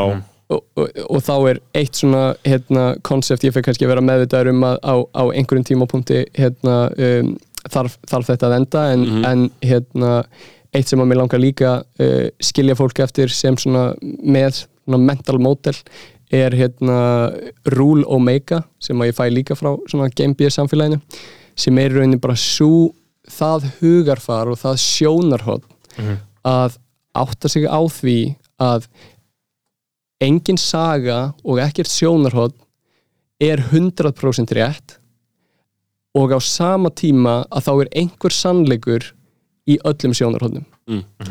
og að það eru svo það eru svo mörg rifrildi og rökræður sem að þegar maður fer að átta sér aldrei djúft á þessu sem að þeir eiga sér stað, stað bæði bara í fjölmiðlum eða í pólitík eða á milli einstaklinga á milli fjölskyldu og svo framvegs þar sem að fólk er svona að nitpick, þú veist, velja einhver, það er, það er einhver ákveðin aspekt sem er rangur og það er svona, þeir, þau festast á því að þau eru einhvern veginn að benda á það eða afsanna það eða eitthvað. Í staðin fyrir að horfa á allar hérna, samræður sem akkurat öfugt þar sem að þú ert alltaf að leita að sannleikanum í sjónarhóllnum allra sem þú ert að tala við sögum allar sem þú ert að tala við og að endur spekla til þeirra annarkvort með góðum spurningum eða bara gó, eh, góðu samtali uh, og, og hjálpa þeim að finna og byggja upp þenn, það sem er umverulega satt í þeirra hérna, í þeirra sjónarhóttni Ég held að það sé mjög hjálplegt. Ef, ef maður gæti til einhversu þetta. Nákvæmlega og við skuldum einhvern veginn hvort öðru sem hérna, verandi í einhverjum svona ósýnilegum sáttmála sem samfélag að, að æfa okkur aldrei í þessu og, og þetta er eitt af því sem að þú veist, maður er svo disappointed út í mentakerfið að vera ekki að kenna veist, svona hluti þú veist, það eru svo margir það eru svo mörg svona mental model eða svona mm hugmyndir sem að geta, gæti einhvern veginn bara hjálpað okkur öllum að vera betri við hvort annað og vinna betur saman og svo framvegis sem að, sem að bara skólakerfið í dag af einhverjum surrealískum ástæðum bara næri ekki að er ekki meðvitaðum og er allavega ekki að miðla á uppbyggilegan hátt til mm. nefnda skólakerfið auðvitað verandi risastór partur af þessari uppeldis hlið sem að ég talaði um hérna áðan Já, að væri uppsprettan af öllu, öllu slæmu sko. Já, já, þetta er, þarna, þetta er, þetta er bara hugmyndafræðileg innrættingarstofnun ríkisins, skilur það, er bara það sem þetta er, ég meina Já. við, það er bara verið að, er verið að tróða hagsmunum ríkisins. verksmiði starfsmenn algjörlega. Tró, tróða hagsmunum ríkisins inn í Já. líkamskerfi uh, þegnana, skilur og við, við, við býðum þess aldrei bætur, Já. skilur staðarind nema maður á að hugsa sér alveg í gegnum þetta en, en ég veit, þú veist, maður svona raunir að vera af hverju á einhver að fara í einhverja vinnu í átta klukkutíma? Já, þegar að það er til peningur til þess að enginn þarf að vinna á aktu taktu í 12 klukkutíma Já, þetta er mjög Skilur. valid spurning veist, og, þetta hverju? já, og þetta er spurning sem að þú veist, ég, hérna ég, svona, mér finnst ótrúlega áhugavert þetta topic um hérna, eða bara universal basic income sem Já. concept let's fucking og, go Já, ég er, hérna, hvað hva finnst ykkur um það? sko við höfum reynd að móta okkur afstöðu Berþór er með, ég Já. er líka með en. Borgaralein. en ég segi eins og vinni mínu hjá samtökum aðturlýsins og viðskiptar að einhverstað verða verðmættin að verða til skilur þú? Að, að vissuleiti er það sjónum með alltaf skilur að, að, að, að það er líka að því að talandum að, að skilir það hugan skilur því að þegar, þegar við erum að tala um þetta og þegar við erum að tala um að skilur af hverju trúum við því að það sé eðlilegt að maður vinni 8 tíma dag? Það er bara vegna þess að það er það rótgróin blekking, ef við köllum að blekkingu sem það er öðrum þræði að maður getur eiginlega ekki hugsa handan þess. Þannig að þegar verða að tala um uh, þarna borgarlaun og einhvers konar grunnframfærslu á vegum hins ofinbera þá bara er þetta hugmynd sem lang flestir geta ekki náð utanum þetta- er bara jafnrótgrói og vilja eignast maka og börn já, skilur, þetta er bara eitthvað svona grunn shit í Að vinna. inn, inn, innrættingunni, að vinna. Algjörlega, og auðvitað er, þú veist, það er mjög valið sjónarhótt á mótið þessu, þú veist, að það væri hrikalegt ef að við, hérna, komum okkur einhvern veginn sem samfélag í þá stöðu að það væri enginn að gera það sem að þarf að gera og þú veist, það Já, væri enginn lækn, að myndi einhvern veginn enginn enda á því að vera læknir. Að myndi enginn matvæla enda framleyslu, eða hvernig það er. Og þannig að þetta er hérna e, og svona, þú veist, Snorri þú, hérna, myndi þú hætta að vinna ef þú myndi fá hérna 150 skall frá ríkinu að manni? Sko ég var um eitt að hugsa um það um dagina því ég var að tala við uh, anna, spænska konu sem á frængu sem vann 11 miljónir evra í lottó uh, sem eru svona held ég rúm, svona tæpir 2 miljardar króna það er fucking money man. og hún bara kaupir sér þryggja það húsi Sevilla sem að kosta kannski 200-300 miljónir og er samt samt bara svona low key og er að vinna í líkasættistöð uh, og ég bara, akkur, og hún svo bara, bara að vinna, ætla að gera eitthvað sko. uh, og ég fór að hugsa, skilur, ég fór að hugsa djúft hvað myndi ég gera ef ég myndi fá um, miljard eða 1,7 miljard og ég hugsaði, ég myndi 100% kaup mér hús ég myndi kaup mér bíl ég myndi kaup mér hús með bílakallara og séðan verið á ramarsbíl í því. Uh, segi núna það er vetur og ég er að hjóla út um allt þannig að ég hugsa svona núna. En síðan þegar ég hugsa hvað myndi ég gera á daginn? Ég myndi vilja vera áfram í vinnunum minni sko. ég myndi einhvern veginn og, og, og ég hugsaði þetta alveg í lenda. Ég hugsaði ok, en af hverju myndi ég þá vilja vera áfram í vinnunum minni? Af því að ég myndi vilja gera eitthvað á daginn uh, en síðan hugsaði ég, myndi samt ekki vilja vera í vinnunum minni af því að ég þyrti það ekki. En ég vil vilja vera í vinnunum minni þannig að ég vil ekki vinna hana penning það var lókað neðist af mín, ég vil ekki sjá hana penning þannig að ég bara, ég, var, ég, ég upplýði mig alveg lausan við þá þrá að vinna 1,7 miljard í, í lótu, þetta var mjög sérstætt Já, það, það er mjög áhugavert en, en líka samt sem að er mjög ólíkt því að vera síðan, þú veist, að vera að fá 150 skall á mánuði sem að er síðan bara, þú veist, Já. sem er bara svona cover af því, því, því Já. bare minimum um, en ég myndi samt sem að þú veist, í- mín svona ástæðan fyrir því að ég er eða væri jákvæður fyrir Universal Basic Income þó að þetta sé einhvern veginn of stór uh, of stór hugmynd til þess að geta að ég geti stilt mér upp einhvern veginn með og á móti þessu og ég held að það gæti verið að það sé líka einhver önnur laust eins og ég var að tala um á einhver, e, e, bara einhver game B pæling þar sem að UBI verður einhvern veginn svona já, við myndum horfa tilbaka á það sem einhvern skrítin plástur á eitthvað, eitthvað Já. sár sem við áttum okkur á því að væri síðan bara á einhverjum öðrum líkama eða, eða eitthvað sem við þurftum ekki á að halda. Um, en en einmitt, það sem gera mig jákvæðastum fyrir hérna, Universal Basic Income sem hugmynd er í rauninni bara það hvað myndi endur uh, skilgreina hvað væri raunverulega verðmætt í hagkerfin okkar Já. og í bara mannlegum samskiptum. Akkurat. og þetta er reset, reset takki nákvæmlega og bara fólk gæti þá allt í einu farið að þú veist, ó ok, heyrðu, ég ætla þá kannski að hérna, einmitt, þú veist, heimsækja ömmu mín oftar og sjá betur um hérna, fólki mitt og, og svona allt þetta, allt þetta stress, samfélagslega Já. stress og kvíði myndi svona vonandi hægt og rólega verða aðeins, aðeins minna mm. það væri svona CBD-ólía fyrir, hérna, fyrir samfélagið lífið er þið einhvers konar svona sumarfrí með spennandi hliðarverkefnum Í- í- Nákvæmlega og það er, veist, er, það er rosalega uh, spennandi vingill líka fyrir eitthvað eins og nýsköpun. Ég til dæmis ótrúlega meðvitaður um forréttindin sem að hérna, ég hlaut í því að ég, þú veist, pappi vel, vel stattur einstaklingur og ég þurfti ekki að vera í, veist, ég hef unnið á Dominos og við að þrýfa einhver herbyggi og svo framvegis, en ég var samt aldrei, veist, ég hafði alltaf einhvað öryggisnett bara frá honum, skilur Já. Og hérna, Þú vissir af því. nákvæmlega, ég vissi að ég gat tekið meiri áhættur Það var heldur aldrei, þú ert aldrei óttast um afkomuðina alveg sko. Nei, nákvæmlega, og þar eiga allir að vera. Einmitt. það er glórulaust eins og þú varst að segja að fólk sé bara í þeirri stöðu að þurfa að sætta sig við að gera eitthvað í 8 tíma á dag sem að gerir þau ekki spennt og þau hafa ekki ástriðu fyrir og ofan á það provætar ótrúlega takmarkað valjú síðan líka til samfélagsins því miður Já, og þannig að veist, það er þá allavega eitthvað göfugt við það að þú veist, vera hérna, að vinna mjög erfitt starf sem að þú svona kannski, þú veist, Já, já. já, myndir ekkit endilega vilja vera að gera en það er að, þú veist, búa til mjög mikið af, heit, bara það er að hjálpa samfélaginu Já. en staðrindin er lík, eða staðrindin er svo eins og að segja að það eru bara svo mikið af störfum sem að bara eru net negativ Já, ummitt. Allir tapa. Já, Já. já ég, ég held að við þurfum borgarlaunin en, en já, við sjáum hvernig það þróst og líka, þú veist, fólk getur líka bara tekið sér tíma og alveg börnið sín sko. nákvæmlega. Þú veist, og bara, þú veist, ekki og, traumatisera og þig sko. pælið, já, og bara pælið í því að við séum, við búum núna í samfélagi þar sem að hér, já, þar sem að bara börn eru í alvörunni, það er verið að henda þeim inn í herbergi af 30 öðrum krökkum þar sem að byrjar einhver þar sem að fyrirmyndin í bekknum verður einhvern veginn þú veist, búlíin eða þú veist, hver, hver var hver var alfan, Eh, hver var alfa og hver, hver, þú veist, hvern var ég að horfa upp til þegar að ég var þú veist, í öðrum og þriðja bekk og fjórða bekk, þú veist, og vi, hvaða áhrifum var ég að verða fyrir að vera basically alin upp af öðrum börnum?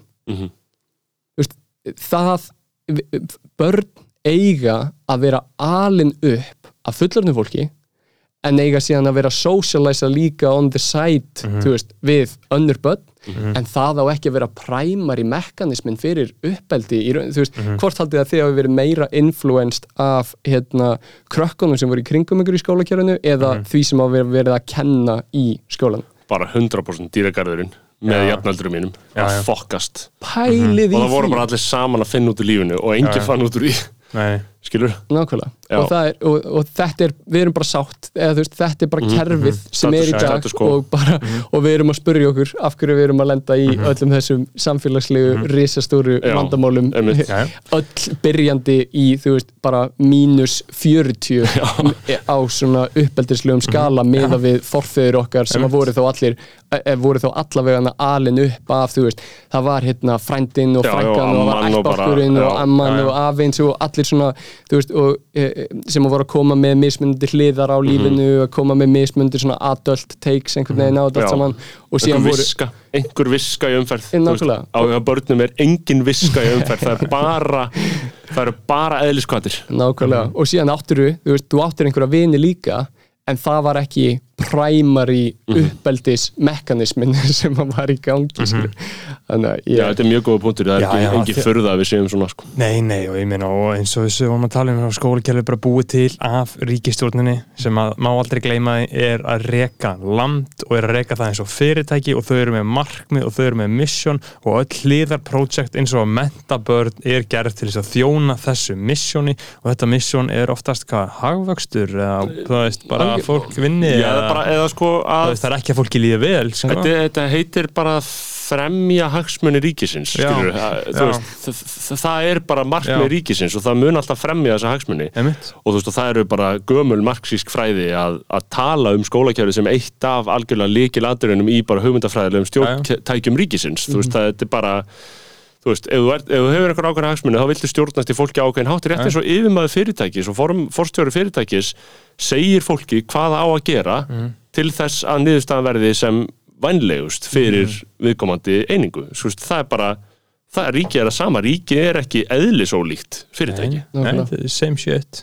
Og hérna, mér langar að koma með eina pælingu í viðbót um, um svona hérna, uh, svona á, á pólitískum nótum ef við hugsum þú veist, uh, það er gjörsamlega galið að það sé ekki harðara regluverk varðandi peninga í pólitík. Mhm. í, þegar við skoðum Game A sem konsept að þá eru peningar í pólitík mjög nálægt uh, svona því uh, svona kjarnanum á Já, vegna þess að mjög miklu leiti að, að það sem að við þurfum sem samfélag á svona makróskala og nú er ég að tala um heimsamfélagið er að við þurfum að vera framkvæma fleiri tilraunir það þurfa, þú veist, við, við erum ekki hérna, við þurf, já, það þarf að vera svona meiri divergent thinking, þar sem að við erum síðan að, þú veist, er, er einhver trial and error process, þar sem að við erum sem heimsamfélag að læra meira einhvern veginn hvað virkar. En nú er, þú veist, bara öllum kvötunum stilt allt frá bara fjögra ára term limits yfir í peninga í pólitík yfir í flokkspólitíkina, þú veist, öll, allar þessar svona e- þetta svona samfélagslega baggage sem við höfum einhvern veginn í hérna, stýrikerfin okkar. Um, að það er bara að koma í vekk fyrir að það sé svona meira af radikal spennandi hugmyndum sem er verið að framkvæma vitandi að það sé veist, þetta er kannski ekki að fara að hefnast fullkomlega en þá er hérna þetta frábæra öryggisnet sem að tekur, móti, veist, tekur við okkur öllum ef að, ef að þú veist, eitthvað byrjar að gerast skilur og, um, og þannig að það, á samfélagslegum skala þurfum við fleiri tilraunir. Um, og, og það svona já og ég veit ekki hvernig það er að fara að gerast Nei, í núverandi, núverandi hérna, heimsmynd. Nei. en það er líka sínin mín fyrir til dæmis Ísland að við eigum að við erum að eigða allt og miklum tíma í eitthvað svona sk innbyrðis skvaldur um í mörgum tilfellum bara annarkvort smáadriði eða bara einhvern svona reik í augun og almenningi eins og áfengi í búðum eða, eða eitthvað þannig. Á meðan að við ættum að nýta það einstaka tækifæri sem við höfum að vera lítið og ríkt land með frábært, þú veist, frábært velferðarkerfi og svo framvegis til þess að taka svona, þú veist, og við erum með frábært vörumerki og alþjóðavísi líka jú, jú. Og við ættum að vera að gera miklu fleiri radikal tilraunir Einmitt. e, sem að væru að virka sem innblástur fyrir stærri löndin já, þessar sem eru miklu erfiðar að taka svona stórar ákvarðanir. Og að við ættum að vera sín veist, Ís- Ísland á að vera landið sem er að sína heiminum hvernig á að gera þetta já. og hvernig veist, er hægt að búa til samfélag þar sem að veist, all, all, bara allt er gott. Rétt eins og bara uh, internet fítið mitt, það er alls konar erlendi fjölmiðla sem koma inn í þetta og ég sé reglulega greinar um það hvernig Ísland stytti vinnuvikuna og það var bara allt í lagi. Þú veist, við styttum vinnuvikuna um þrjára og hálfa mínútu skilur og bara engin græti á því. En við erum samt að segja þess að sögu í fjölmiðlum þannig að ef við værum að gera alvöru Já, skala uh, fókt upp skemmtilegar tilraunir þá væri það bara, þá væri bara allir heimurinn að fylgjast með okkur sko. ég veit það og þetta, er- staðinn þetta erum er við- mitt helsta Já. Veist, þetta er það sem ég vilja að gera. Já. en það er bara svo augljóst að þetta erum að tala um þessi völd og bara hvernig struktúrin bara fyrir fucking Bjarnar Benediktsson og Guðlaug Þór og arma þeirra og félaga þeirra í framsangarflokknum og öllum það, þá er þetta bara nei, við erum góð. Shut the fuck up. Skilur, við erum góð.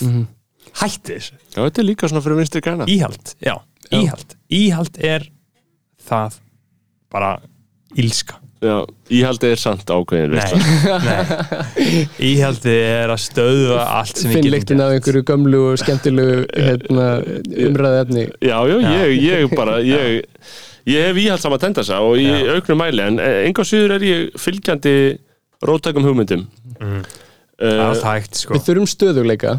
Það, er, veist, það þarf að vera einhvers konar þú veist, við, við, því að já, þó, það, það, bara, þarf það, að er vera bara einhvers konar það er bara svo öryggi. erfitt að neyta það er bara svo erfitt að að blása á þau rök að við þurfum stöðuleika af því að, að því það, er svo, svo auðvilt að sína fram á það hvað óstöðuleiki raskar miklu, skilur já, eða bara, þú veist, það, já, fólk blómstrar ekki í hræðslu og óöryggi. Nei, og þess vegna þarf að vera eitthvað hérna, base level öryggi í samfélaginu sem að allir við, veist, sem að allir eru bara mjög sáttir með og að það búi síðan til einhvers konar hérna, öryggis eða bara einhverja dínu sem að við getum síðan farið að gera einhverja loftfimleika í kringum og ofan. En það sem er líka í þessu og, og áður, en við, áður en við reynum að nálgast að, að, að leggja að reyka lokan hikkin á þetta eh, er að þú tala líka um að peningar séu of nálægt valdinu í núverandi fyrirkomulagi og það er líka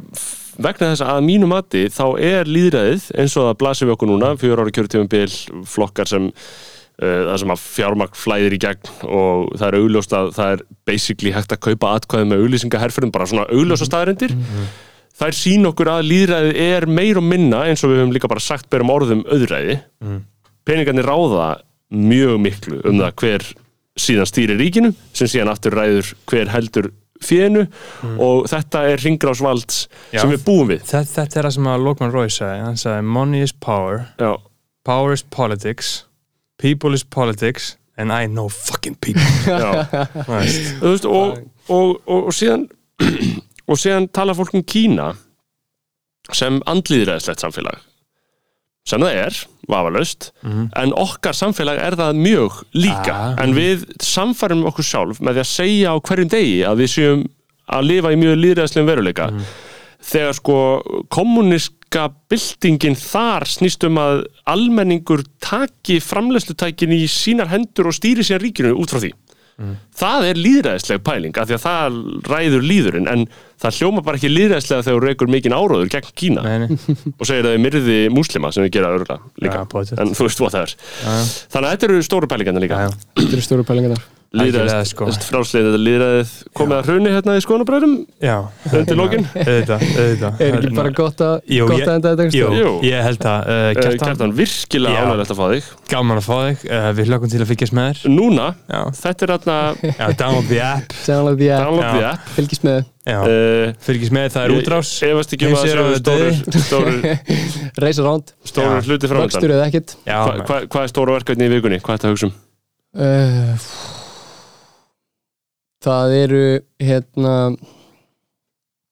það, það liggur allavega bara mjög mikið undir uh, í Portugal hjá okkur. Það, þetta er svona hérna, þetta er stóra þrekraunin að, að sína fram á að við getum uh, spilað svipaðan leik og við spilum hérna heima en á uh, tíu svona stærri markaði og náð svipuðum árangri. Um, og ef að þannig að það er svona, það er aldrei fókusin inn í fyrirtækinu núna uh, í vöruþróunni, styðja við það ef að uh, þetta er svona back and forth process, sölumenn að mæta til viðskiptafinn að tala við það og spurja þá, þú veist, innilega sölumennska snýst ekki um að hérna selja heldur að reyna að skilja og síðan hjálpa. Og það er hérna svona það sem að eh, er að gerast í Portugal og við hérna heima erum að reyna okkar allra besta að styðja við það mjög spennandi. Já, let's fucking go. Takk fyrir að koma kjartan og Geðvikt að vera hérna, geðvikt að spjalla okkur. Og takk bara, fyrir okkur. það verið gaman að e, já, taka bara göngutúra í prívat og koma ekkert um þetta kannski. Heldur betur maður. Kemur aftur Kjartan Þórsson Það er spurning sko. eftir eh, eitt eða tvö ár og hlustendur Guð bless ykkur. Takk. Fyrir hver að